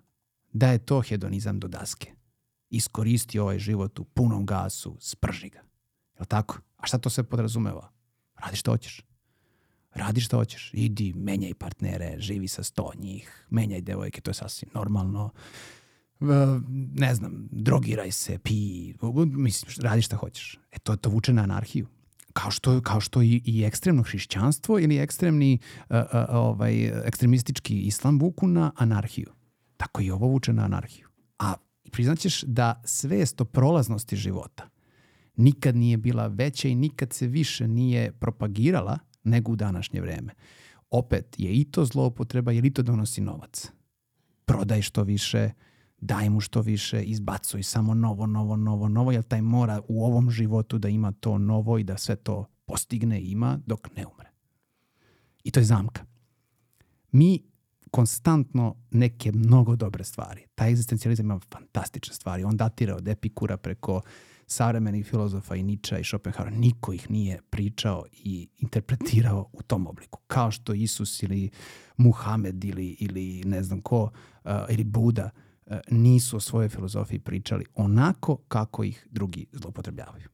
To je ono što je problem. To mi zvuči sad sve što si rekao na mm, odvojenost, individualizam, površnost odnosa kao neka tri otrova koja su mm, ako je lek ljubav, ako je, su lek, ako je lek odnos i ako je lek uh, pomaganje, ova tri su znači protiv lek. Jer mi smo vrlo zanimljive kao bića, to si, ti si mnogo više izučavao od mene, ja ono što slušam i što zapažam, da, da su nam potrebni odnosi. Potrebno nam je da imamo prijatelje. Potrebno je nam je čak i, znaš, ono u avionu kad sedneš pored nekog, pa malo bi da pričaš s njim, znaš. Naravno. Potrebno nam je komunikacija. I s, uh, sa, savremeno doba nam je dozvolilo da imamo mnogo, mnogo toga i samim tim ne možeš da odeš ni mnogo u dubinu.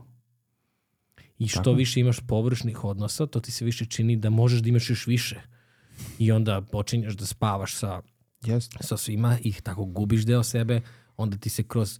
Ja verujem da je to neka ta strana kapitalizma koja je pogotovo u Americi toliko uh, podignuta na neki neverovatan nivo, a to je uh, taj individualizam, možeš sve uh, budi uh, da ne zavisiš čak ni od svog partnera. Na, naš, ja mogu ti si da se... jedinstven, Da, ti si neponovljiv. I to je okej okay Ti meni. Pazi, da razumeš to, to je meni skroz okej. Okay. Ali uh, zavisnost koju ja recimo imam od Emilije kao mog partnera je nešto u čemu se ja osjećam sigurno. Znaš, ja mogu uvijek da se našalim da kažem, pa šta, ono, zavisi od mene, pa. Ali to je uzajamna zavisnost koju mi negujemo. Da, to nije kompeticija, to nije nikako takmičenje. E, u, u Americi ja sve to više vidim, Da, da. pogotovo ljudi sa kojima se i mi družimo, pa mislim da sam ti to možda čak i u prošlom podcastu tebi rekao, možda sam i nekome rekao, ali to je nešto tako, tako ostavlja jak utisak na mene. Jedna drugarica Mija, ovaj, am- Amerikanka je, on, ona je zajedno sa svojim mužem opet sad, 15-16 godina, imaju dete i tako dalje i nešto smo pričali, ne kažem, ja kao nikad ne bih mogla da ne radim i da samo čuvam dete, zato što ne mogu da nemam svoj novac. Mhm. I ja kao, ok, reku, što mu ne veruješ? Pa kao ne, ne mogu da se oslonim, kao otkud znam da će on ne... I ti vidiš zapravo tu da je snaga, taj njen bo, novac je bo, njen, njen bog je novac u tom slučaju. I, I ne samo novac kao mogućnost da nešto kupi, nego kao sigurnost, kao nešto u šta ona ulaže i ona će da se odrekne da čuva. Iako svaki put kaže kad idem na posao, ono kao ja da čekam da se vratim kući, da zagrilim svoje dete. Mhm. Ali je jače od ljubavi prema detetu u tom trenutku. Možda nije ljubav prema detetu lep izraz, ali znaš, ona svesno bira. Nesigurno je. Ali zašto je? E, to je sada upravo to što si sada ispričao, This is ove tri stvari. Pa, možemo mi da pričamo to kako hoćemo, ja sam prisustvovao porođaju, ovo nije man's world, da se zna odmah moj stav. Pa ne u tom smislu. Ali hoću ti kažem da, da ti otrovi kojima smo ono konstant, kroz filmove, kroz knjige, Mm. kroz knjige o samopomoć koje su Mm-hmm. to povećali, ja mogu sve, ja ću da za tri meseca budem najuspešniji ako mislim Mm. bla bla bla i tako dalje. Kada sve to uzmeš, ti zapravo vidiš da ti je odstranjen kao deo tebe, a to su ti odnosi koji su nam naj, naj, ja, ja generalno mislim najvažnija stvar, jer možeš da imaš najviše novca na celom svetu ako nemaš sa kim da se nasmeješ dok, dok uh, Jeste. jedeš nešto. Mislim, to je kad... Aj, ajde, možemo i toga da se dohvatimo.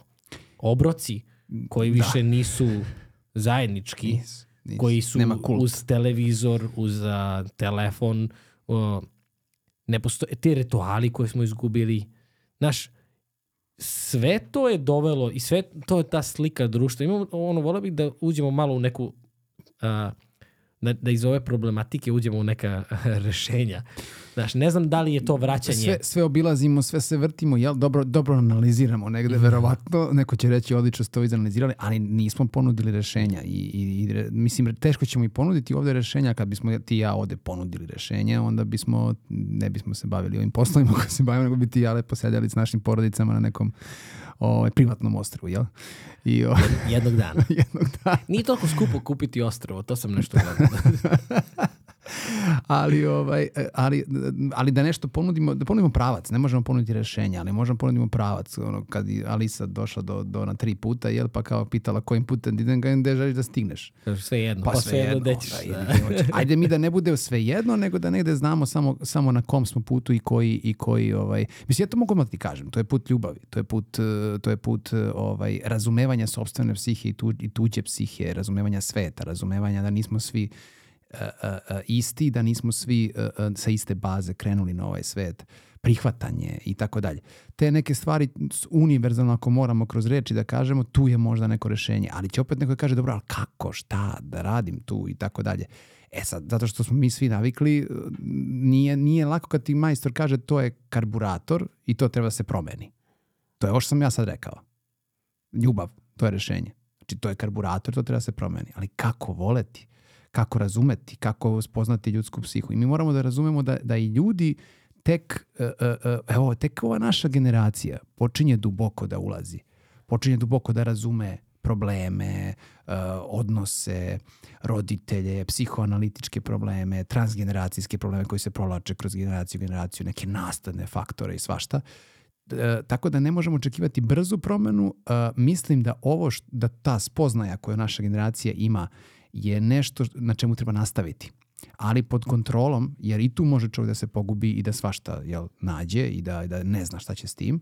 Tako da tu negde leži to rešenje u smislu da, da, da vodimo računa kako istražujemo i u kom smeru idemo. Ali pogledaj malo pre kad si pričao o svemu ovome što nas je navelo jel, na potragu rešenja. Non stop je negde uh, provejavalo i kroz ovaj primer koji si dao i sad ja razmišljam šta, čega god da se dokačimo, opet ćemo doći na tu temu. Prevare. Prevare, znaš. Jer ta prevara uništava brak. druga osoba, u najvećem procentu slučajeva se brakovi raspadaju zbog neke druge osobe, zbog treće osobe u stvari. A, mislim, to nije, nije ta osoba kriva, nego je, nego je to ono zašto se grana za koju se hvata neko izlazi iz neke priče. A, ali opet u najvećem procentu slučajeva je u stvari samo bila zaljubljenost. I to je ono što, mislim, da se ne lažemo, evo i ti i ja, tebi supruga tu meni nije, to je dobro. Ovaj, u ovom trenutku za ovo što ću reći. Ali kad vidimo lepu devojku na ulici ili ženu, nije nenormalno da muškarac ne pogleda tu devojku. To nije nenormalno. Znači, to je, to je da kažemo čak i prirodno. To je negde unutra, to je nek, neki podsvesno iskonski. Onaj koji ne pogleda, taj je samo sebe istrenirao kao stoik da ne gleda. Nije on promenio sve. kao ti ja. Sam pokazao na sebe, da, šalim se. ovaj, on je samo sebe istrenirao. Nije, nije, on, nije on ništa bolji i drugačiji od ovoga koji se okrenuo. Čak je osetio isto kao i on, samo je mnogo disciplinovan da se ne okrene. Znači, tu, tu nije rešenje. Tu nije rešenje. Rešenje je da on shvati da ako ga odvuče dalje ta misao, kad toj devojci koja seksualno izuzetno privlači, da je to samo zaljubljenost. Da je to trenutna jedna hemija koja se izlučila gore u mozgu, napravila nekakve ovaj, nekakvi neurotransmiteri su tu odradili neku priču i to neće dugo da traje. To je kao kada narkoman uzme količinu droge koja mu treba, kao uh, zavisnik od cigareta kad je uzeo tu cigaru i smirio ovaj, nikotinske te receptore ili, ili, ili ne znam, alkoholičar koji je popio. To je bukvalno takav efekat.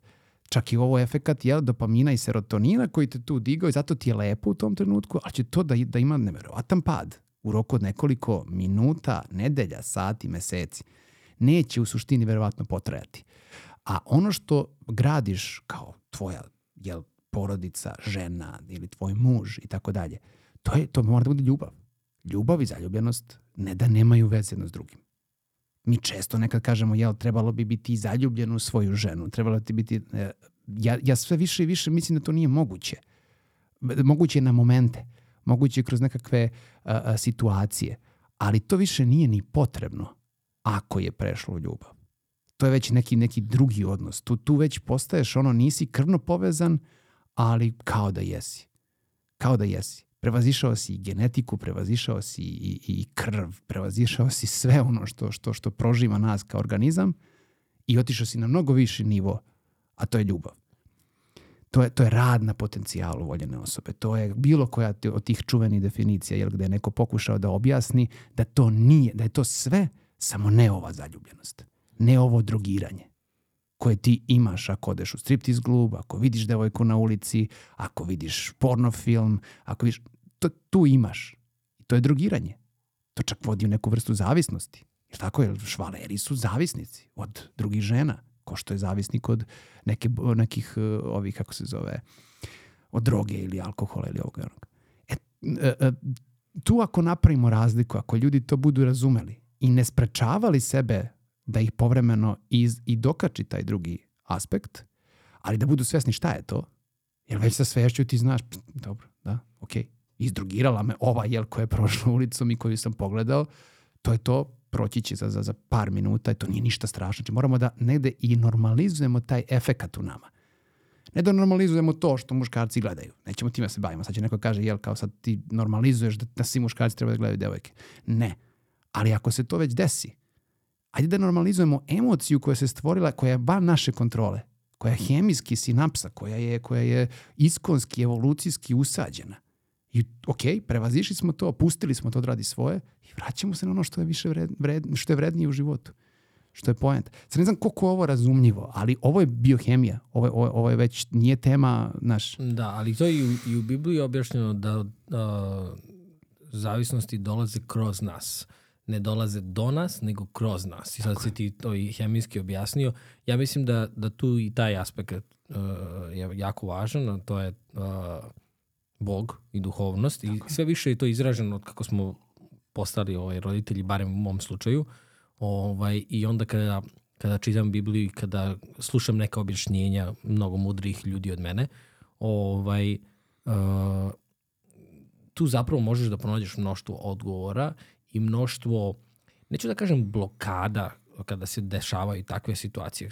Ovo je sad jedan primer koji si naveo, ali postoji mnoštvo drugih u svakodnevnom životu, ali dobiješ objašnjenje i neko dublje razumevanje Just. koje će te sprečiti da uradiš nešto zbog čega ćeš se kajati. Da li to droga, da li je to da se prejedeš, da li je to prevara, da li sada to gomila nekih drugih stvari. Mi smo onako samo destruktivni jako. Mm. Ovaj, deluje mi da nam je to ne, neka vrsta prirode. I spomenuo si u jednom trenutku da smo tek sad počeli da ra- razumevamo šta nam se dešava, da se, da se pitamo odakle, da li je to nasledno, da li je genetika, da li je ponašanje koje smo videli i tako dalje. Sa druge strane, ti kad pogledaš, mi smo mnogo, kao neke bebe smo i dalje. Naš jedan moj Vuki sada uzme čašu, on baci na pod. On ne zna da je on razbio čašu. Tako e je. tako i mi nesvesno uništavamo ne samo prirodu i sve to koje nas, već i, i sami sebe. Znaš, ali počinje mnogo da nas boli i onda mislim da zbog toga i ovi razgovori se pojavljuju sada. Znaš, mm -hmm. o, ovaj, zato što možda su se nekada ovi razgovori vodili neke generacije pre tebe i mene ovaj, u nekim zatvorenim U krugovima. zatvorenim krugama da. Znaš, e, to ali sada smo to otvorili priču. I, I zato je drugačije. Da. I zato je sada izletelo i ima, ima ovakav efekat. Znaš kako bi ovaj, ovaj primjer koji sam ja na, naveo kroz jedan primjer, zato što ti kažeš može to kroz bilo koji aspekt života da se da se da baš ovakav isti sličan primjer, e, sveštenice primjer to zovu duhovno, ovaj, pa izvini, zovu, zovu iskušenje. Da. Iskušenje. Znači, ja stalno govorim i, i kad razgovaram i sa, i sa ljudima, ono, da li religija, da li psihologija, nemojte to da delite, ljudi, mi, mi svi pričamo o nekim istim i smer nam je isti. Samo koristimo drugačije termine, mislim. Eto, ja, ja sam malo više iz nauke, više sam iz medicine, iz te neke priče, pa ću da kažem da je to biohemijski efekat, pa da je ono, to spakuje svešteniku u iskušenju, jednu reč, kaže iskušenje. Znači, video si ovu devojku, a baš i oni govore, znači nije iskušenje da ti to blokiraš, nije iskušenje da ti to gurneš i, i, i, i, i, i, da, ga, da ga, što bi rekli mladi, ishejtuješ i kažeš mu svašta loše i da ga, da ga da, da, da sabijaš to i potiskuješ to u sebi. To, tu, tu nije rešenje. Rešenje je upravo u prihvatanju toga i spoznaj šta je vrednije. To je sledeći korak. Prihvatanje i delanje Da. u drugom smeru. Pa i sve što sada, evo ti kažeš iz, ti iz naučne strane ideš, sve što je religija pričala pre hiljadu Jeste. godina, nauka potvrđuje sve više i više Tako je, stvari. tako je. Ne, I ne samo religija uh, i, mi- i Poezija, mitologiju kada vidiš. sve živo, da, da, da. Znaš, mi smo uzeli na taj primjer, to sećam se Srđan Zirović mi to rekao u našem prvom razgovoru za nekog grčkog boga koji je svaki dan mu je ptica jela jetru, a jetra se samo obnavlja. Jedini organ koji samo sebe... Kako su oni to znali pre 3000 godina, lupam sad. Znaš, Fascinantno. ludilo, znaš. I onda sad kao ti uzmeš i kao, e, ja sad znam sve, mislim, to je nešto što je, takav je mene osjećaj pratio ovaj, kada sam napisao prvu knjigu, ja sam mislio, o, sve znam, sve mi jasno, znaš, ne može više ništa da me izbaci iz takta iz ovo. I onda sam počeo da pričam sa ljudima poput tebe koji su, imaju drugačiji put, mudri su, imaju više znanja. I onda počeš čoveče kao, Znaš, kao, ja hoću da ćutim, nadam se da ćutim u mojim podcastima do- dovoljno. Ovaj, Ne, ja više volim s tobom kad si, kad si uključen, iskreno Pazi, ti kažem. ti si mi, da ti i ja imamo super priču, ali hoću ti kažem kao, stvarno sam dosta, mnogo toga shvatio i ono, ono, što više zna, uh, znaš to, si svestan da manje znaš. To- tako, to je- da ništa je ne znaš u stvari, ponor, znaš. Ponor. Mislim, to je tako tačno. Tako da, ovaj, ja mislim da generalno a, ovo što si sad rekao, sve se to vraća zapravo na ljubav, na poverenje, na porodicu, duhovnost, na te stvari koje su nas držale svih ovih vekova. na kompromis, znaš. na razumevanje, na a, a, nemanje straha od pokazivanja. To je sad sledeći korak isto, da ja očekujem da će se to negde otvoriti. Oni, oni ovaj, sličice što su sad u posljednje vreme jako popularne, bila je sad jedan, jedan tweet, ali znam da je to maznut tweet sa nekog britanskog ovaj, Sigurno. uh, Twittera, jel? Ovaj, da, ne znam, žena je oduševljena kad je muškarac rekao da ide na psihoterapiju i sad maltene devojke sad biraju muškarca kada čuju da ide na, ili da je bio na psihoterapiji, uf, super, to je to.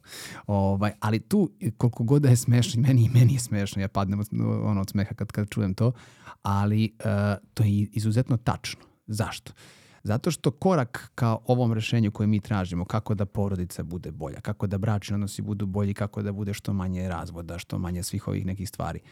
A, to ide u smeru a, a, a, te slobode da otvorimo ova zavesa ode kod tebe. Znaš, imamo prednji deo i imamo tamo iza. Ja, na primjer, sad nemam pojma šta je tamo iza. Pretpostavljam da je zid, ali ne mora da bude, Ne, jel? ne sam da kažem. zid, zid. Vidjet ćemo posle. Ali, na primjer, možda bude prostor, još jedna prostorija gde, na primjer, ja nemam pojma šta je tamo. A ovde vidim, ovde je sve lepo. E, to je ono što, to je ono kako se mi, kako mi ulazimo u veze, odnose i brakove. Mi uđemo u ovakvu jednu prostoriju gde nam se mnogo stvari sviđa. Pogledaj što ti je lepa polica, što ti došli dobar izbor knjiga, čoveče, čitaš iste knjige kao ja, u što je lepo, ovakve biljke ja volim, lupam, ili sto ti je mnogo lep i ja bi ovakav kupio. I to nas spoji. I mi smo fantastični. Mi do ove zavese smo tu sa tom osobom, sviđa nam se sve što smo tu videli. Poneli smo i mi neki, neku, neku sobu ispred ovog, ove zavese.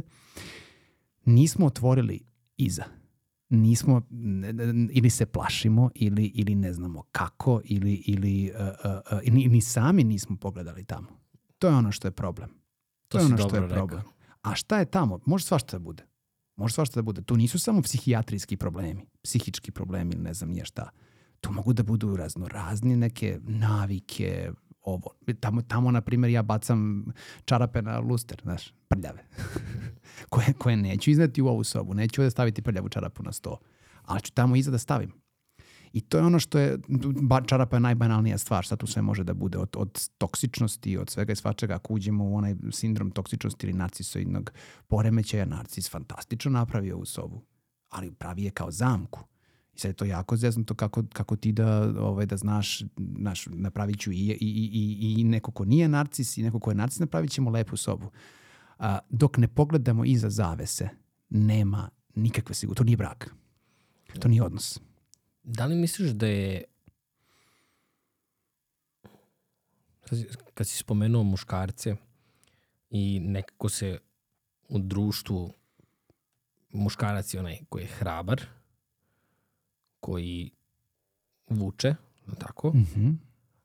Ali nema hrabrosti bez ranjivosti, a ti si sad pisao ranjivost meni, koja je odsečena.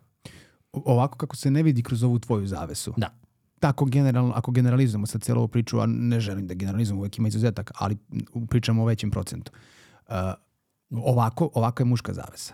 Da li misliš da bismo kako bismo onda mogli da opišemo hrabrost koja nije lažna hrabrost. Znači, hrab, ja, ja čitao sam Brene Brown, ne znam da li si naišao na njen rad, i ona priča dosta o ranjivosti. Mhm. -huh. I priča o tome kako, ne znam, mi formiramo te filmove u glavi i yes. pogotovo u odnosima i kada primetiš da Ema to super radi, uh -huh. a to je da kada uđemo u neku raspravu, neke argumente i tako dalje, ona prepozna ako ja krenem da pravim neki filmove i onda kaže, ej, čekaj pre, mm. znaš kao, zašto su sad to tako razmišljaš, ti mene voliš, znaš, podsjeti me. Yes. Ili ona kaže nešto uradi i ja kažem, ej, šta ti, ona kao, izvini, volim te, ne znam, znaš, ranj, ranjivost je tu, znači, čekaj, izvini, napravio sam grešku, ranjiv sam, znaš, ne, yes. ovo mi, ne prija mi sad ovo, a zašto ti ovo ne prija? Pa i mislim da je zbog toga, aha, ja nisam imao tu nameru, stvarno izvini. Pre neki dan sam Šta je bilo nešto, Emi? A, pitao sam za neki put da idem, uopšte nisam pitao nju da ide sa mnom.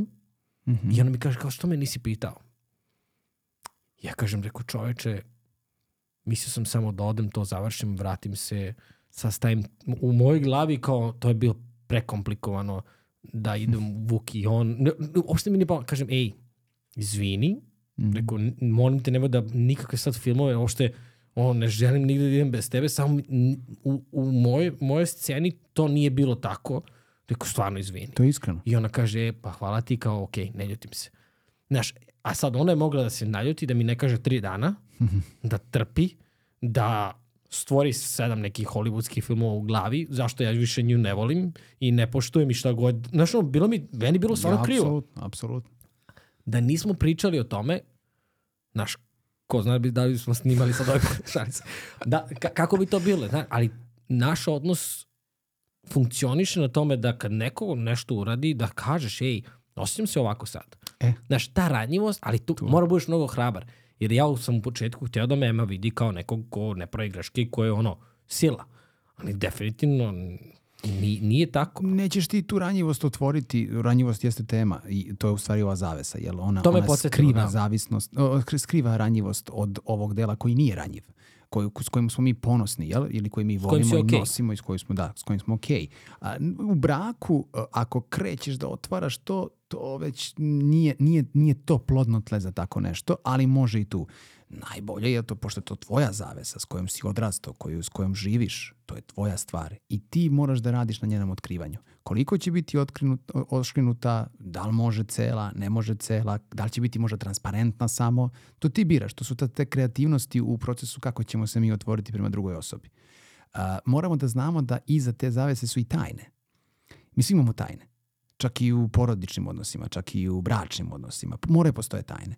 I tajne, uh, mislim, moraju, postoje. Nema, nema šta moraju. Ja, ja što više radim terapije, to više vidim da, da su tajne jedna normalna stvar u, u, u, u porodičnim odnosima. Ali i tajne imaju svoje različite nazive, aspekte i nomenklaturu. Od, postoje toksične tajne. Postoji tajna koja je tempirana bomba u stvari, koja može da uništi porodicu. Ali postoji tajna koja je benigna tajna ako je otvorim, ništa moja porodica od toga neće dobiti, neće izgubiti, nema poente, nema potrebe ili me ne, ne tišti toliko ta tajna, neka je tu kao moja. To je benigna tajna. A toksična tajna je nešto što nosiš i što može da, što stvari samo tempirana bomba kada će da eksplodira. Ali je tempirana bomba i sama zavesa. Tempirana bomba je blokiranje uh, uh, in, ove, kako se zove, uh, ranjivosti. To je tempirana bomba koju ti ideš, živiš i nosiš. Zašto muškarce navodim kao ove? Uh, jednostavno muškarci, ono što si malo pre rekao, nameće se alfa od pamtiveka. I dobro, i alfa treba da postoji i alfa je okej, okay, s jedne strane. Ali alfa sa zavesom nije alfa. Alfa sa zavesom će eksplodirati, isprebijati sutra nekoga, napraviti haos, svašta. Otići, izdrogirati se, naći drugu ženu, švalerku i tako dalje. To je, to je alfa sa, sa, sa zatvornom zavesom. Alfa može da bude i sa transparentnom zavesom. Alfa može da bude i sa oškrinutom do pola zavesom. A može čak i skroz. Ako ćemo da merimo šta je idealan brak, to su dve osobe koje imaju što više otvorenu zavesu. Prosto rečeno. Kad kažeš što više, smatraš da nikada nećemo moći da otvorimo skroz? Pa ne znam da li može 100%. Da li misliš da je potencijal? Aha. Ne znam ni da li je to poenta, da li je to i dobro. To nisam siguran. Ali pošto vidim da ako dvoje su makar pola otvorene zavese, već je odnos fantastičan. Ako su više od pola, isto je fantastičan odnos. Ako ništa, i kad desi se neka prepreka, lakše će da je prebrode nego kada su zatvorene zavese. Mi moramo da uzmemo u, u obzir, ovo danas se dešava, je rasulo porodice u smislu koliko se razvoda dešava na procentu stanovništva, na procentu sklopljenih brakova i tako da u celom svetu. Znači to i sad svi kažu kao pa to je to je finansijski aspekt, ne mogu ljudi u brakove ili se zbog novca ono, ma kakvi, pa Švedska prednjači po broju brakova koje se, koje se, se razveli u poslednjih pet godina. Švedska koja ima jel, najbolji standard, to ćemo pričamo o novcu. Nije novac u pitanju. Pitanju su neke druge stvari, u pitanju je zavesa. A, naši roditelji, na primjer, i ta generacija, opet da se vratimo unazad, je neka druga priča. Tamo, tamo na primjer, statistički nije bilo toliko razvoda. Ali se trpelo više. Trpelo se. Odnosno, uh, u takvim sistemima se ova zavesa otvarala, ali je takav bio, jel, tako je bilo društveno prihvatljivo, brak je, uh, razvod je nešto loše, uh, šta će reći komšiluk, ne, to ne valja, to je neuspeh, to je neuspeh, ti dobijaš etiketu razvedenoga ili ne da, znam da. šta.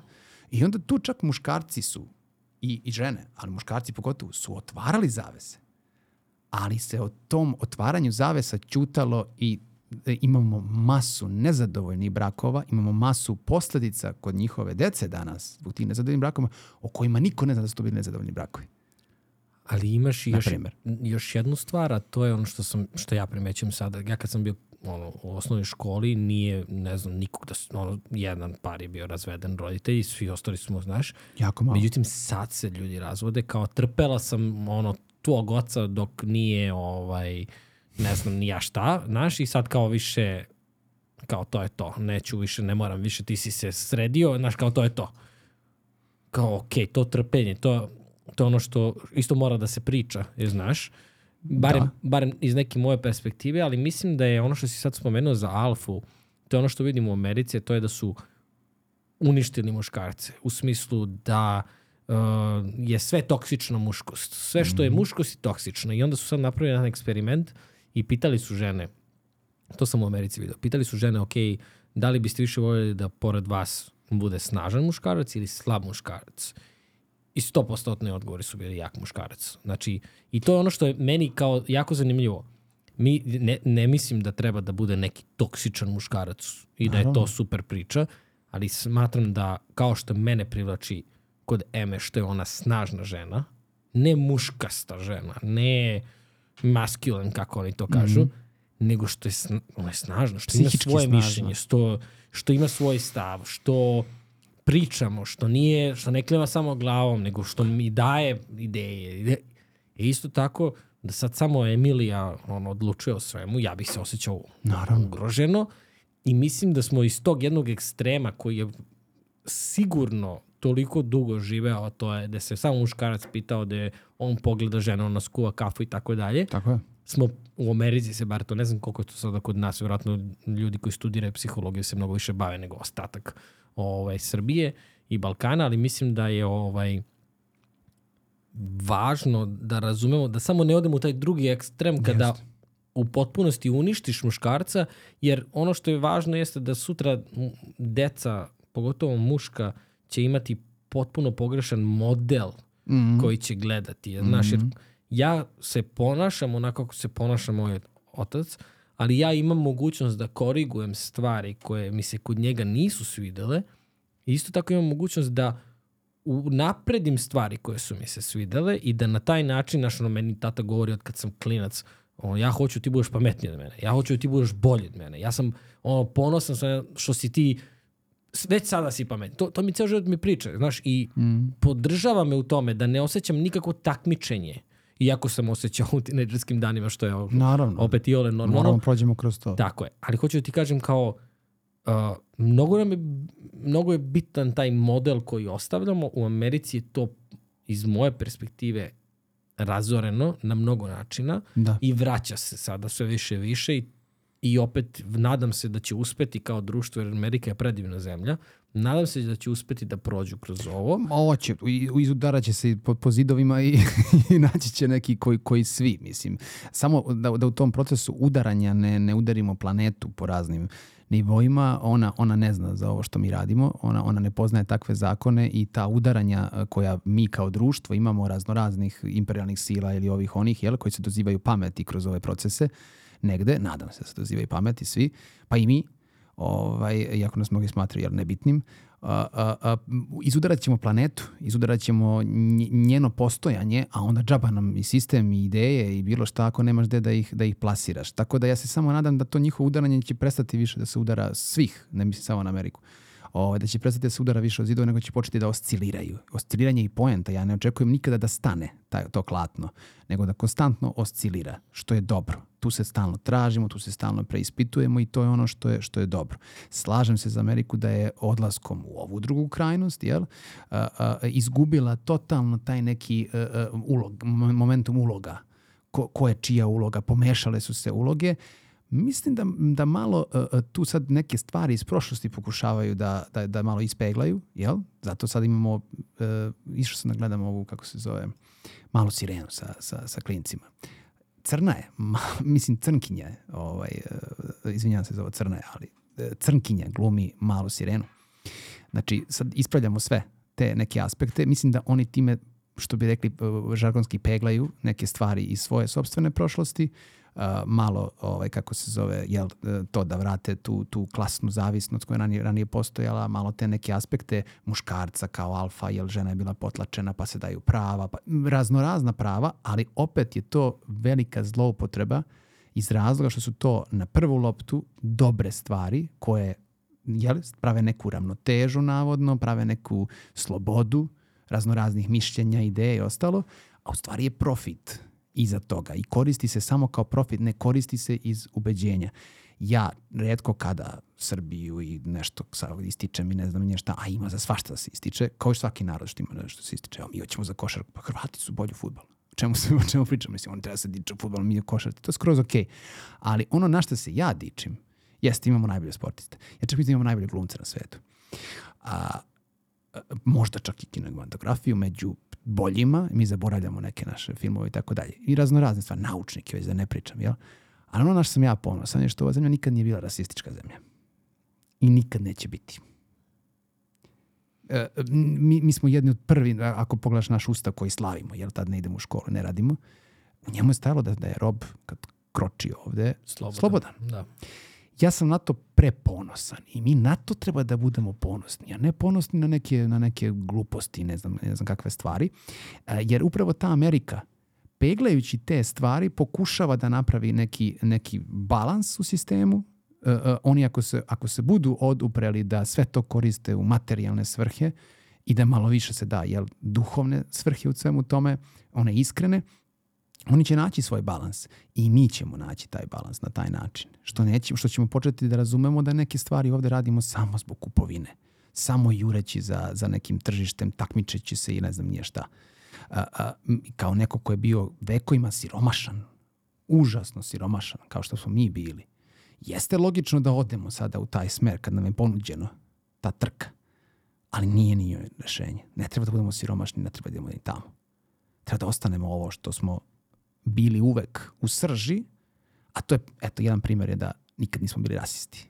I dan danas, ja, ja kad vidim ljude neki, ono, ne vole ljudi Ameriku ovde zbog bombardovanja. To je sasvim negde, negde to je predstavljeno je tako, da. Ali tako ne bi trebalo da vodimo, da volimo ni Turke.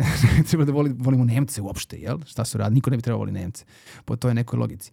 Ali uh, uh, ja kad vidim onog Amerikanca, ne znam, jesi ga vidio na TikToku, onaj, onaj Da, što je plavi onaj. Balkan, onaj plavi. Znaš, on gde god se pojavi, svi su Amerikanac, dođi vamo, brate, ti ja pokažem. I svi ga vole.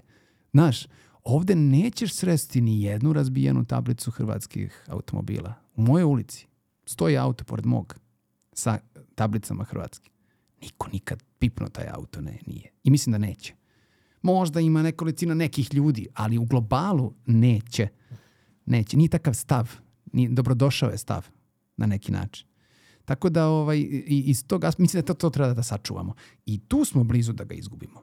I tu smo se u nekim aspektima po- pokazali, nekim momentima u skorije vreme da, nam, da smo počeli to da gubimo. To ako izgubimo, mi ćemo izgubiti našu srž i naš kor za bilo šta dalje, o čemu god da pričamo. Je da smo sad malo sa, sa, sa, sa teme porodice skrenuli na ovu... Pa i ovo je društvena stvar. Ali znaš, društvena stvar, ja, da. ovaj, od kad živimo u Americi, ja mislim da kod nas ni ne postoji toliko rasizam jer smo mal, svi smo maltene isti ovde i ne, nekako smo radoznali kad je neko drugačiji i ne, ne polazimo uvek od a, ovog mrzim zato što je drugačiji, nego hajde im ko je on. Znaš, imamo tu neku znati želju i naši ljudi su definitivno mnogo znatiženiji a, i otvoreniji od a, drugih nacija. Ne, ne znam da li bi šveđanin bio toliko srećan Prisnost. da vidi da, da, da, i kao, ajde, dođi da te upoznam, yes, znaš, jest. nego on bi ti rekao gde je ulica i otišao bi svoj Jedino putem. su bosanci od nas e, tu prednjače. Bosanci imaju taj, taj ali dobro, na, naši bosanci, jel, Srbi, bosanski Srbi su odrastali sa bosanskim muslimanima, je tako?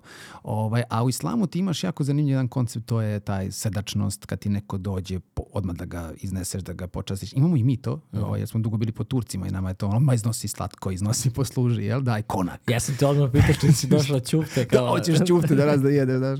Da mi ne dolaze roditelji, znaš, ono, bih vrlo rado ovaj, nego idemo na ručak. Ali, ali, ovaj, ali to, to mi imamo, to, to, tu, tu prisnost, znaš, u Bosni, to je nevjerojatno. Ja sam išao ne, nešto poslovno jednom, oni nisu pričali o poslovno, samo, hajde, da dajmo na ćevap, ajde, ajde, idemo, idemo. Gostoprimstvo. Gostoprimstvo, Znaš. to, to redko gde možeš da sretneš tako, tako I, nešto. I to je stvarno nešto čime se kao dičimo i to Tako je, je. I to si upravo i drago mi je da si to spomenuo. Hoću samo da se vratim na rasizam koji je onako... Pokušavam naše snage da nađem u Da. svemu ovome, u ovoj priči. Znaš, zato- zato nekako lako ćemo mi da pričamo o negativnim i o kritičnim aspektima. Ako se malo fokusiramo na ove pozitivne stvari koje možemo da nađemo i kao nacija, znači u tom nekom generalizovanom društvenom smislu, a onda kako idemo dublje sve ka pojedincu. Snage postoje, samo ih ne, ne vidimo Da, da. često. I ovaj, e, samo ću da se vratim na sekund na, na rasizam u, u Americi koji je onako jako klizav, škatljiva tema Mm. i klizav teren. Međutim, o, to kad se pojavila crna mala sirena i tako dalje, i pričao sam sa, sa ljudima koji su crnci u Americi, nikome nije kao wow, dobili smo konačno ono što zaslužujemo, šta više odbojno im je. I o, to je opet taj ekstrem koji pokušavaju kroz agendu, ono što sam ti rekao da Hollywood polako se gasi i odlazi u ne, nešto što niko više neće ni gledati. Jer to bi isto bilo kao kada bi, ne, ja sam ne tvrdim da je mala sirena bela ili crna, ali u originalu je bila bela. Pa jest. I kada bi sada Pisao je- Martina Luthera Kinga glumio Leonardo DiCaprio, a, Čudno bi mi bilo. bilo, ne samo čudno, to bi bilo ozbiljan, ozbiljan rasizam. Tako je. Tako je. Razumeš? I ono, ovaj, mislim, jako je uh, tema, pogotovo za, Amerikanci, ali hoću ti kažem, nisam siguran da im je to rešenje. Što ti kažeš, mislim da nešto pokušavaju da peglaju, ali mislim da je to profit i ljudi koji su crnci kojima je to kao namenjeno, po znacima navoda, osjećaju da im je to forsirano Da. i nije, nije prihvaćeno, barem ono iz moje perspektive sa ljudima sa kojima sam ja pričao, nije to bilo prihvaćeno kao wow, već je bilo više kao provokacija na neki način za njih. Jer sa druge strane oni imaju svoju kulturu na koju su ponosni, imaju svoju istoriju koju ne samo da ne žele da zaborave, nego pričaju kao što sam ja ponosan na neke, kao što smo sad Da. pričali o gostoprimstvu, tako oni imaju svoje neke stvari gde su oni jaki i sada ti pokušavaš, jedan belac pokušava njima da da im servira nešto on kaže pa to nije, to, nis, to nije moje. Da. Ne da, znaš, da. tako da mislim da taj ekstrem opet nije, i to je ono, znaš, ideš iz jedne krajnosti društva, pokušavaš nešto da rešiš, odeš u potpuno neke drugu krajnost i Zato sam i naveo odmah u startu naše Da, da. priče ta dva zida, jer sam znao da cela ova tema o kojoj ti ja hoćemo danas da pričamo, da će se stalno vrteti oko ta dva zida, oko ta dva ekstrema i, ta, i ta, ta metafora odbijanja, e, šta god da pričamo, ići ćemo ka tome, jer trenutno smo u toj fazi odbijanja u drugoj strani i, i mi ne možemo sad tako lako ni da pričamo o balansu dok ne vidimo gde su granice ovoga, dok se tu ne udari i vrati nazad i onda, onda kako budemo išli ka sredini, tad ćemo možda bolje videti svi,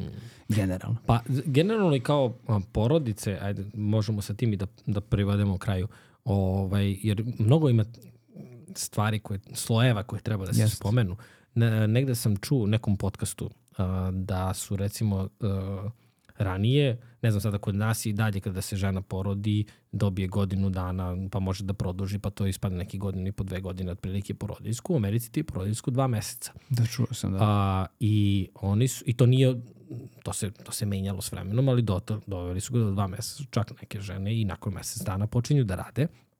Ono što su zapravo oni uradili kroz a, tu moć kupovine, individualizam, ono što sam ti rekao, mi in primer, je zapravo taj da su ti dali mogućnost da stvarno kupiš šta god poželiš, da od jedne plate, ja sam, kad sam, teo da, kad sam krenuo da radim podcast, meni, meni trebalo dve godine, dve i po godine da dođem do ile dobre opreme, u Americi bih sve to kupio za mesec dana. Od jedne plate, da. Zato što možeš da priuštiš to, da li su ti ono, ne, bez rizika kupuješ, sve možeš da vratiš ukoliko ti se ne sviđa. Posle godinu dana, mi smo sad kupili dušek, ja pitam, naš, pošto znam za dušek i čak i kod nas postoji mogućnost da vratiš ukoliko ti ne odgovara, pitam koji je period, on kaže neograničeno, vrati ga za 10 godina ako ti se ne sviđa.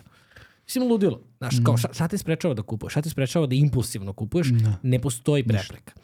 Oni su to tako uradili da ti sad, to je možda neka vrsta, neka teorija zavere, nećemo ulaziti, ali zanimljiva tema je da su zapravo toliko obesmislili porodicu u Americi da ti sada, uh, znači, prvo pojam majke maltene i ne postoji tamo jer majka radi 8 sati, 10 sati, mora da radi jer mora da kupi i sebi, da, da kupi i dete tu, muškarac radi, povećali su im i troškovi su im nenormalni i tako dalje, ali sa druge strane šta, tebi dete od mesec dana ide u vrtić Da.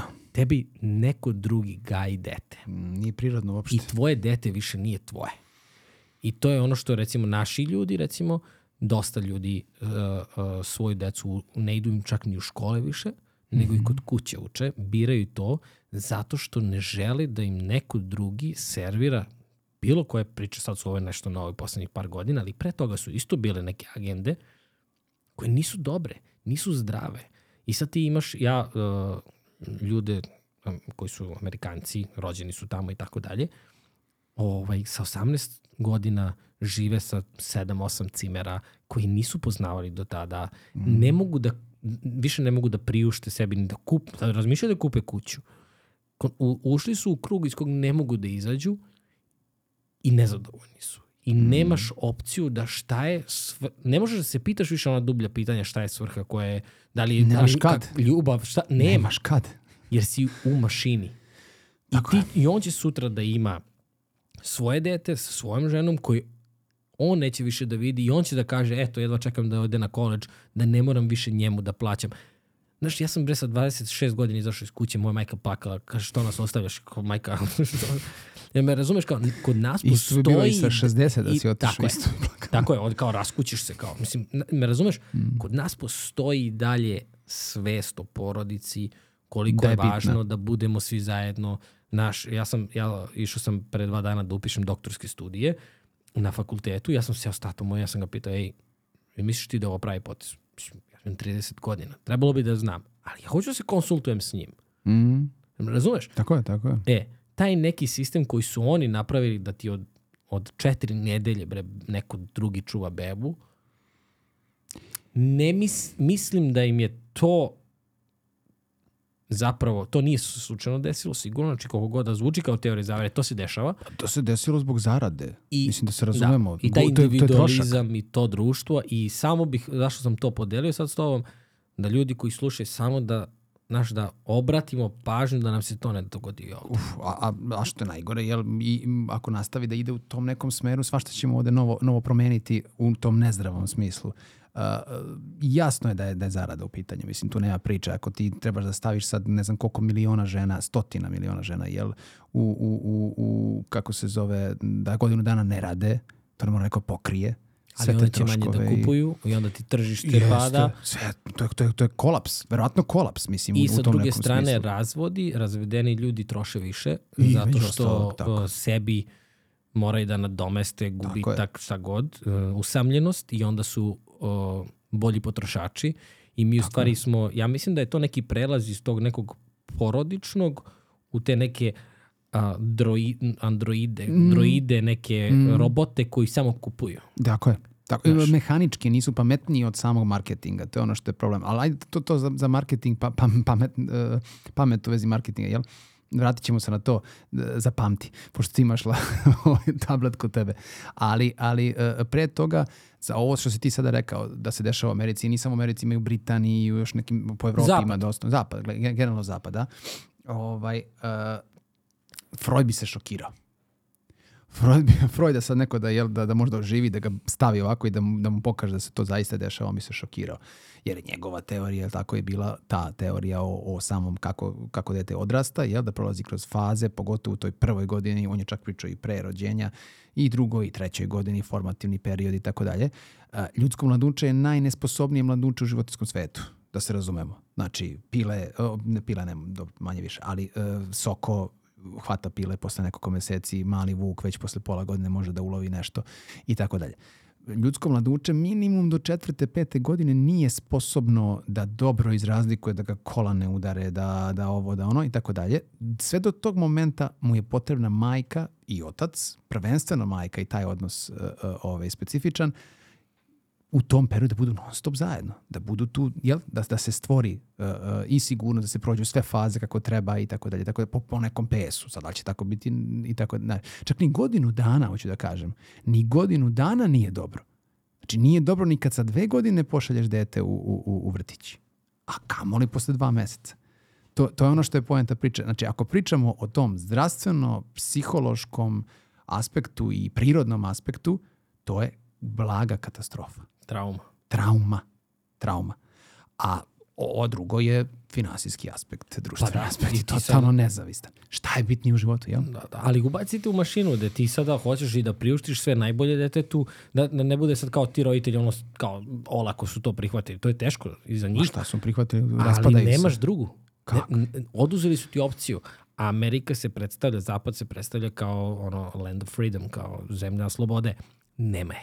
Nije to sloboda, ne, I, ne, ne. I to je ono što je onako kao možda najveća opomena za nas ovde koji dalje Znaš, ono što sam ti rekao na početku, mi živimo te neke stare slave, a ja se nekako trudim da što više dođemo od toga, ajde šta možemo sada da uradimo da slavimo to. Da, da, Znaš, da. koji su to naši potezi danas, znaš, tako da... Ovaj, Nije više zemlja slobode, nije, nije zemlja slobode, mislim i, i kao zemlja slobode je nastala iz, iz toga što si alternativu imao jednu, jednu priču gde moraš da radiš u državnoj firmi i nije postojala druga mogućnost i da radiš za istu platu kao kolega, ono što smo malo prepričali, a iako osjećaš da si, da si bolji talent, on ti omo ponudio da ti dođeš i taj talent e, razvijaš. I tako je stvorena ta priča da je to land of freedom. Ili je zaista bio freedom u onom trenutku Ne. za ljude koji su bežali i, i migrirali i tako dalje u tom nekom momentu. Ali smislu. mislim da su oni morali da koriste i Land of Freedom zato što su porobili celu Ameriku i da bi napravili... Ko... Tamo je smešno, Pričaš ali to... indijancima. Da, da, da, definitivno, zato što su oni morali da udare kontru od onoga što su radili, što su radili da, se bi, da bi ispere napravili mozak teren. generacijama. Tako tako. znaš. Sve je ovo meni peglanje, kad pogledam. Sve ovo što oni rade je peglanje u žargonskom smislu. Znači, vraćanje u neku normalu, da sve to... Međutim, i, ja, i to je okej.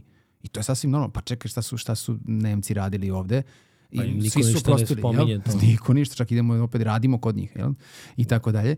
Niko ništa ne spominje. Turci, to šta su Turci radili za vreme Osmanskog carstva. Pff, znaš, I mi smo i da ne ulazimo. neke stvari Ma, svi su radili, da se niko nije čist. da se ne lažemo. Niko danas, niko danas nije čist. Ali uh, uh, ako hoćemo da to sredimo, da to negde dovedemo u balans, da prihvatimo da smo nešto radili, hoćemo sad promenimo, super, menjamo, ali ne zarad profita. Zašto koristiti to kao marketing, kao, kao, kao, samo kao marketing koristiš to, kao alibi Da, da. da bi zaradio. To Znaš šta mene najviše plaši? Ono što, kako kažu, ono što smo naučili iz istorije, da ništa nismo naučili iz istorije. Znaš, ali mislim da može da se nešto promeni. Kao, imam taj neki utisak. Pa on promenit će se sigurno. Ne, ne, može, ne, ne- može status quo nikada opstane i, ne, i ovo je, e, kako reče, sve teče, sve se menja, jel, Pantarej. I to je zaista tako, sve se menja. Sad u kom smeru, da li smo zadovoljni, nismo, e, da li ćemo ikad biti zadovoljni ne znam nije šta. Ne, ovo čemu ti i ja sada pričamo, prave promene mogu se očekuju tek za nekoliko generacija. I ovo što ti i ja sada pričamo je možda zalog za, za, za neku generaciju. Kad bi toga bilo više, verovatno bi e, ovo išlo nekim, nekim lančanim putem. Hvala Bogu, jel možda će ovo da ostane i, i ovaj, posle tebe, ono, za, za 100 godina, 200 godina, pa će neko da, da, da možda posluša Za nešto. unuke. Za Pa unuke. otku, znaš, mislim, toliko ovaj, podcasta i šta sve ljudi pričaju i tako dalje. Mnogo je informacija, mnogo je informacija, o- otići će one negde, e, u kom smeru, kako, da li će većina to da negde usmeri kako treba. E, ja se negde nadam, pazi, ova generacija što dolazi nije dobra generacija, ne, ne, neće imati, e, meni je žao š- kako im zemlju ostavljamo, jel, e, za nekih 50 godina ili ne znam nije šta. Ali e, e, oni će, znaš, ako, ako odrastaš u generaciji u kojoj su ti e, roditelji konstantno na mobilnom telefonu 24 sata ili na kompjuteru, a, njima nije dobro. Toj deci nije dobro. I oni će to da poprime jedan kroz jedan, tu, tu istu aktivnost, jel? Ako, ako ne kritički uđu u tu priču. Ako ne kritički uđu u tu priču. Ja se jedino nadam u generaciju nakon te, njihovih, znači naših unuka, koji će da kažu, e pa neću ja ovako ko tata naš, ja ću to promenim. Šta misliš, da li je gora njima koji rastu uz roditelje na telefonu ili nama koji smo rasli uz roditelje iz rata? Pa neuporedivo, mislim. Mislim, mi, Nema deluje mi kao da smo i mi izvukli neki zaključak. Ma kako ne? A deluje mi da ja nisam imao ovo kad sam imao 16 godina, a oni sad imaju, znaš. Mene samo plaši u kom će smeru oni to da... Ne plaši, više me raduje, samo ako bude bilo zdravog mozga, jel? Da, da se to iskoristi. Baš je odlično Koprivica, uh, uh, profesor, uh, ovaj, ja mislim da je on, Sad- Sadifa profesor, ovaj, kod ovoga Jao Mileta na, na, na podcastu, košarkaškom podcastu, a, pričao o tom aspektu za telefone. Ljudi, telefoni, za, zaista, to je kao, imaš onu sliku kad se pojavile novine. Pa kad stoji uza zid njih 15 i čita novine. Nema tu, nema tu neke razlike. I ti ne možeš da hejtuješ i da mrziš ovaj telefon, ko što su jednom trenutku mrzeli bioskop, skakali pod, pod stolice kad naiđe voz, ili ne znam nija, pa su radio, to je đavolja ovaj, priča i ne znam nije šta priča neko iznutra. Đavolji glas. Tako isto i za telefon. A, ovo će morati da postoji. E, i, i, i mi moramo, mi smo dužni da, da decu obučimo za ovaj telefon, a ne da mu ga zabranjujemo, nego da pokušamo da ga obučimo. Šta od toga može da dobije korisno, a ne, mislim, možeš ti radio slušaš 24 sata pa će te boli glava, mislim, neće ti biti lepo. Ali ako ćeš da slušaš 5-6 emisija ili ne znam nije šta i da budeš lepši i bolji zbog toga, super, to isto ima i na telefonu, da se ne lažemo. Ali uh, alarmantan je telefon. Iskreno ti kažem, sad nema tih, uh, čekam te neke, neka zvanična istraživanja. Sve droge, sve zavisnosti. Mislim da ovo postaje broj jedan. Opet profit. Profit. I to, I to će se promeniti verovatno u nekom, nekom pravcu. Mislim, mi- mi- ono, teško je da se odupreš naš telefonu, Jest. ali opet toliko, i sada se javio neke naučne studije, ne znam, Huberman dosta priča o tome, ne znam da li njega pratiš, ovo je Andrew Huberman, Mm, posle ne. ću ti da vidiš, to je Mhm. genijalac. Ovo on baš do, dosta nekih stvari pokriva i onda kad čuješ, na- znaš, ono, kad dobiješ informaciju, pa onda se i zapitaš malo. Znaš, ako ti je stalo do tebe, a mislim da, da, barem ono što ja vidim, ja dobijem poruke de, ljudi koji, on dece u stvari, koji imaju 16, 17, 18 godina, koji slušaju podcast. Znaš, mene nije interesovalo kako da spavam sa Mhm. To- to je 16 super. godina. I onda, super. kažeš, ok, postoji nešto i ona muzika o kojoj smo pričali i, i iako je to najviše trenutno dostupno. Opet mislim da su oni samo najglasniji, da opet postoji neka kvaliteta i dalje i ovaj i sve to i onda kada su, kada bi zaokružio celu priču, nadrljali smo, ali imamo još uvek šans. Ima, Tako ja ima, bar ima mislim. svetla u tunelu i to nije, ja ne bi uopšte mračio da je to neka iskra ili ne znam nije šta. Ne, to je ozbiljno svetlo, ali da smo u tunelu, jesmo. To je činjenica jer smo jako blizu ovih zidova. Kad god si blizu ovih zidova, ti si u tunelu. Kad udariš u zid, tad, tad možda ima iskre ili čak i nju ne vidiš. Ali ja mislim da smo mi trenutno u trenutku kada ima svetla. Vidiš da ga ima i, i, i, i dalje postoji grupa ljudi, postoje ljudi na planeti, jel, zemlji, koji idu ka tom svetlu i, i znaju šta je to svetlo. I koliko god da, na primjer, ovaj telefon je uh, uh, svakakav, jel, Uh, i, u, i u njemu ima svetla. Na primjer, eto, uzmeš neku od ovih aplikacija, Spotify ili tako nešto, jel, od ove muzičkih aplikacija. I sad, uh, uh, opet algoritam, znaš, uh, on, on, meni ne nudi novo što izlazi od ovih što sad prave muziku. Ali mi nudi, na primjer, da su Rolling Stones izbacili novi, novi album. Ili mi nudi ovo, nudi mi ono. Znači, nudi mi ono što ja želim. Algoritam radi za tebe. Pazi šta želiš. Da. Možda ti se ostvari. To je to, tako po tom Bukvalno. principu radi algoritam. Kaže, kakav je bre Instagram, to je glupost. Ne živa samo neke, neke žene ovo, ono, evo da. Znam šta si gledao. Pa zašto ti izlaze žene? Zato što si tražio žene. A nisi tražio TikTok. Pazi, to je opasna aplikacija. Ali, uh, ja, znaš, ono, listaš, listaš, listaš. Ako kreneš da se zadržavaš na glupostima, na nekim stvarima, onda će te gađati s tim. Znači, na čemu se zadržavaš duže, to, toga će ti davati. Znači, tebi je dato da biraš na šta ćeš da se zadržiš duže. Toga ćeš dobijati više. Opet paralela sa slobodnom voljom, Jeste.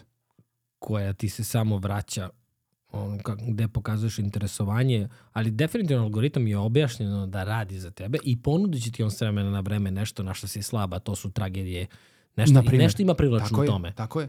E, e, ajde, evo sad, sad ću ovo reći, ovo će možda ostati jel, ono kao niko nikad nije rekao, ali algoritam društvenih mreža radi po karmičkom principu. Kako daješ, tako se vraća. Da, da, bukvalno. Kakve su ti misli, takav ti je, tako, tako, Algoritam. takav ti je algoritam. da osavremenimo sve Da, ono da. što su, što su mudri ljudi govorili. O... Mnogo volim da pričam s tobom, stvarno. Znači, o, šta ima, gde si ti, šta ima novo, šta se, šta se radi, jel ima nekih događaja? Odmorio se letos jako dobro.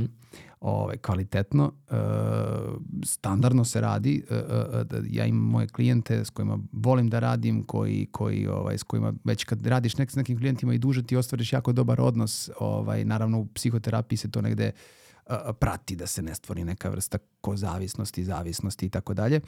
Ovaj, sve to mi vodimo računa negde, ovaj, ali pored toga nekako ja, ja gledam ta dva aspekta, porodica, kuća, da to bude uvek ovaj, primarno, da bude glavno. Ja sam tebi više puta govorio da je meni, meni uvek životna filozofija bila uh, uh, kako vreme iskontrolisati, kako biti gospodar svoga vremena, tome se trudim. To mi je, sad, to mi je glavni cilj od uvek. Ovaj, I gledam da ne preteram s poslom, pogotovo što, si, što sam u takvoj poziciji da ja određujem kako ću da radim. Volim moje, moje radionice, imam četiri radionice, ovaj, uh, uh, s vremena na vreme, skoro gotovo svaki mesec, ako ne svaki drugi mesec, organizujem po neku.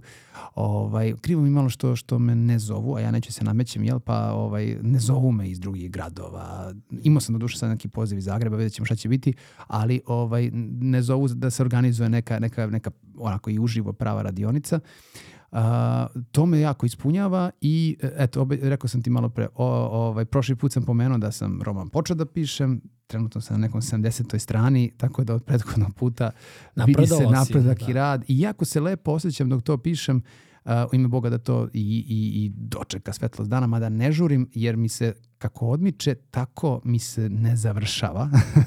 Pazi, jer je prelepo, prelepi osjećaj, kreativan taj proces i, i, i, i stapanje sa tim i likovima i, i, i celom pričom, ali, ovaj, ali će morati jednom trenutku jel, da, se, da, se, da se zaokruži. Uh, s tim što sam shvatio u stvari kroz ovaj posao, nisam nikad zamišljao da ću ja pisati knjigu kao, ovaj, ni kao mali, negde to postojalo, ali nisam bio neki kao ono, da, da mi je to neki cilj. Uh, više volim da čitam knjige i koliko sam sad počeo više da cenim pisce. Čak ću početi da cenim i one koji su napisali najobičnije gluposti, ću početi da cenim više jer je neko, uh, mnogo je teško. Jednu stranu napisati je, je kakvi, to, to, to su mu- muke tantalove, a neko će sedne na plažu i da to pročita za tri dana i kao ono da pojede knjigu kad je, kad je, kad je Srki, Srđan Zirović, kad je objavio knjigu i sad došao je i nešto pričao, nismo, nismo ni upalili kameru, kaže Ivo, ne preskačem više nijednu stranicu kad čitam. Poštujem svakog pisca. Znaš kao, sad znam šta je posao. Ja samo mislim da je, o, ovaj, o, ti kažem kao neko ko je objavio tri knjige i sad isto taj roman koji, koji treba da pošaljem do kraja nedelje, od knjiga se ne završava, od knjige se odustaje. Znači ti pišeš, pišeš, pišeš i kažeš, ok, ok, neću više. Jer uvek možeš da je ukrasiš. Možeš, Uvek svaka rečenica može se promeni. Dobro, ja sam koncipirao da će imati nastavak što je, što je dobro. Ja, Vidiš, ti ja nećeš znam, da ja, ja neću da odustanem, da, i našao sam način kako da ne odustanem, ali sam zamislio početak i kraj, to mi je najbitnije. Znam, znam, znam okvir i držim se toga i, i ono, ideš ka tom Strava. drugoj strani, stići ćeš, e sad samo je pitanje ono, znaš, da li ću, da li ću to da uradim za tri meseca ili za mesec dana ili za šest meseci, godinu dana, a to zavisi samo od mene, jel? Da. ovaj, i cele te priče. Ali mi je drago, baš što smo pomenuli to prošli put i, i, i voleo bi da podelim s ljudima taj, taj ugao ovaj, eh, koji sam stavio u knjigu, uh, koji nije ništa preteran, ali je, ali, ali, ali uh, znaš, ono, eh, kad čitaš, vraćam se non stop unazad i, i, i pratim kako pišem, uh, uh, jako sam ja zadovoljan, to mi je najbitnije. Da sam ja zadovoljan kad pročitam i da, i da sam ja u poziciji, eh, baš kad sam pročitao, sad skoro sam pročitao svih 70 strana i rekao sam, čuče da mi neko dao ovu knjigu da sam ja kupio, e, rekao bi super knjiga. Znaš. To je- Kao, volim, to je sviđa mi to se ovo. onda. E, da, da, da. Tu, tu, I tu sam završio, više me ne interesuju sad dalje kritike i šta će biti, to me ne zanima. Meni je lepo. Da. O, pa onda, onda je to, to je pravi put. Da, Baš mi je nadam drago. se. Kaži mi gde su radionice? Uh, Radionice su online i dalje. gde ti ljudi nađu? Instagram. Instagram. Instagram je definitivno, definitivno postao, postao sve u posljednje vreme. Jeste TikTok onako nešto što uzima maha, čini mi se, ali još uvek ne na tom nivou kao, kao Instagram. I vidim i pratim, pratim i taj Instagram algoritam, pratim digitalni marketing, kako funkcioniše i tako dalje. Ovaj, e, ozbiljno su se podredili, podredili tome da, da, da, da maltene, čini mi se da, da čak i Google zaobilaze polako, ali sigurno onako da ovaj, što se tiče samog oglašavanja, interakcije sa ljudima, klijentima. O da, o da. Neverovatno je koliko, je koliko je dobra platforma s te strane. Pa vidiš samo u tim fazama kad je Facebook pre, ne znam koliko to, 2011. 12. kad je uveo to da možeš da plaćaš reklamu da te neko drugi vidi Mhm. i taj model više ne funkcioniše. Ti sad praviš kvalitetan sadržaj da te drugi vide. Tako je. I ti tu tačno vidiš zapravo da je Facebook bio monopol dok se nije pojavio Instagram, a koji su oni od, ono, u- ukrali su ga za, kupili. za milijar, milijardu, jer on je vredeo posle četiri meseca ko zna koliko milijardi, to je bila krađa, tako zovu. Ovaj. Ali s druge strane onda je TikTok se umešao, onda sada je YouTube koji je zapravo najbolji Tačno. za kreatore. Tačno. A, ovaj, tako da vidiš da, da ta neka zdrava konkurencija te, nama otvara mogućnosti za, ovaj, Da. Za Ali pazi, posao. to je, to je negde uh, jako zanimljivo. Znači, uh, uh, uh, n- ti si napravio nešto da čovjek da pare da bi mu se to videlo. Prosto, ko oglasi, ranije što su postojali. Ako postoji nešto što, što je drugačije od toga, uvek će pre da upali iz razloga što neće čovjek tako lako da odvoji novac za, za tako nešto, ali ako mu ti ponudiš, aj budi kreativan. I ako si dobro kreativan, i ako ja zarađujem od tvoje kreativnosti, ja ću tebe da nagradim da i ti. Da, win-win, win-win pozicija. pozicija. Da. Mi I moramo da razmislimo o, o win-win poziciji. Hvala ti. Ne, stvarno ti je dobar Instagram. Kada, ja, ja ti često ono, kad, kad do, nešto objaviš, ja ti kažem, aj dođi da pričamo o ovome. Znaš, Aha, aha. Na, jedna objava, a meni, meni, ja vidim četiri sata razgovora. Mm, Ne znaš, o, ovaj, tako da... To je nezahvalnost Instagrama što, što traži da, da napraviš nešto u, u, u par sličica, u par rečenica, u, pa, u Reels od, od, od 15 sekundi, u, u nečemu što je ozbiljna priča, ti i ja pričam ovde od 3 sata i sad trebaš to spakuješ jel, u jednu rečenicu. Mislim, to, nije, to je nezahvalno, ali smo došli u takvu poziciju da ljudi nemaju vremena i da im je to bitno i da, da, da, da nam mogu da vide da to nisu jedini, da nisu sami,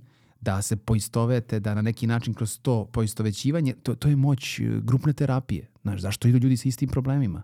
Zato što se tu zajedno prave koheziju i svako je na neki svoj način. Kad vidiš da je neko prošao kroz isto, već ti lakše.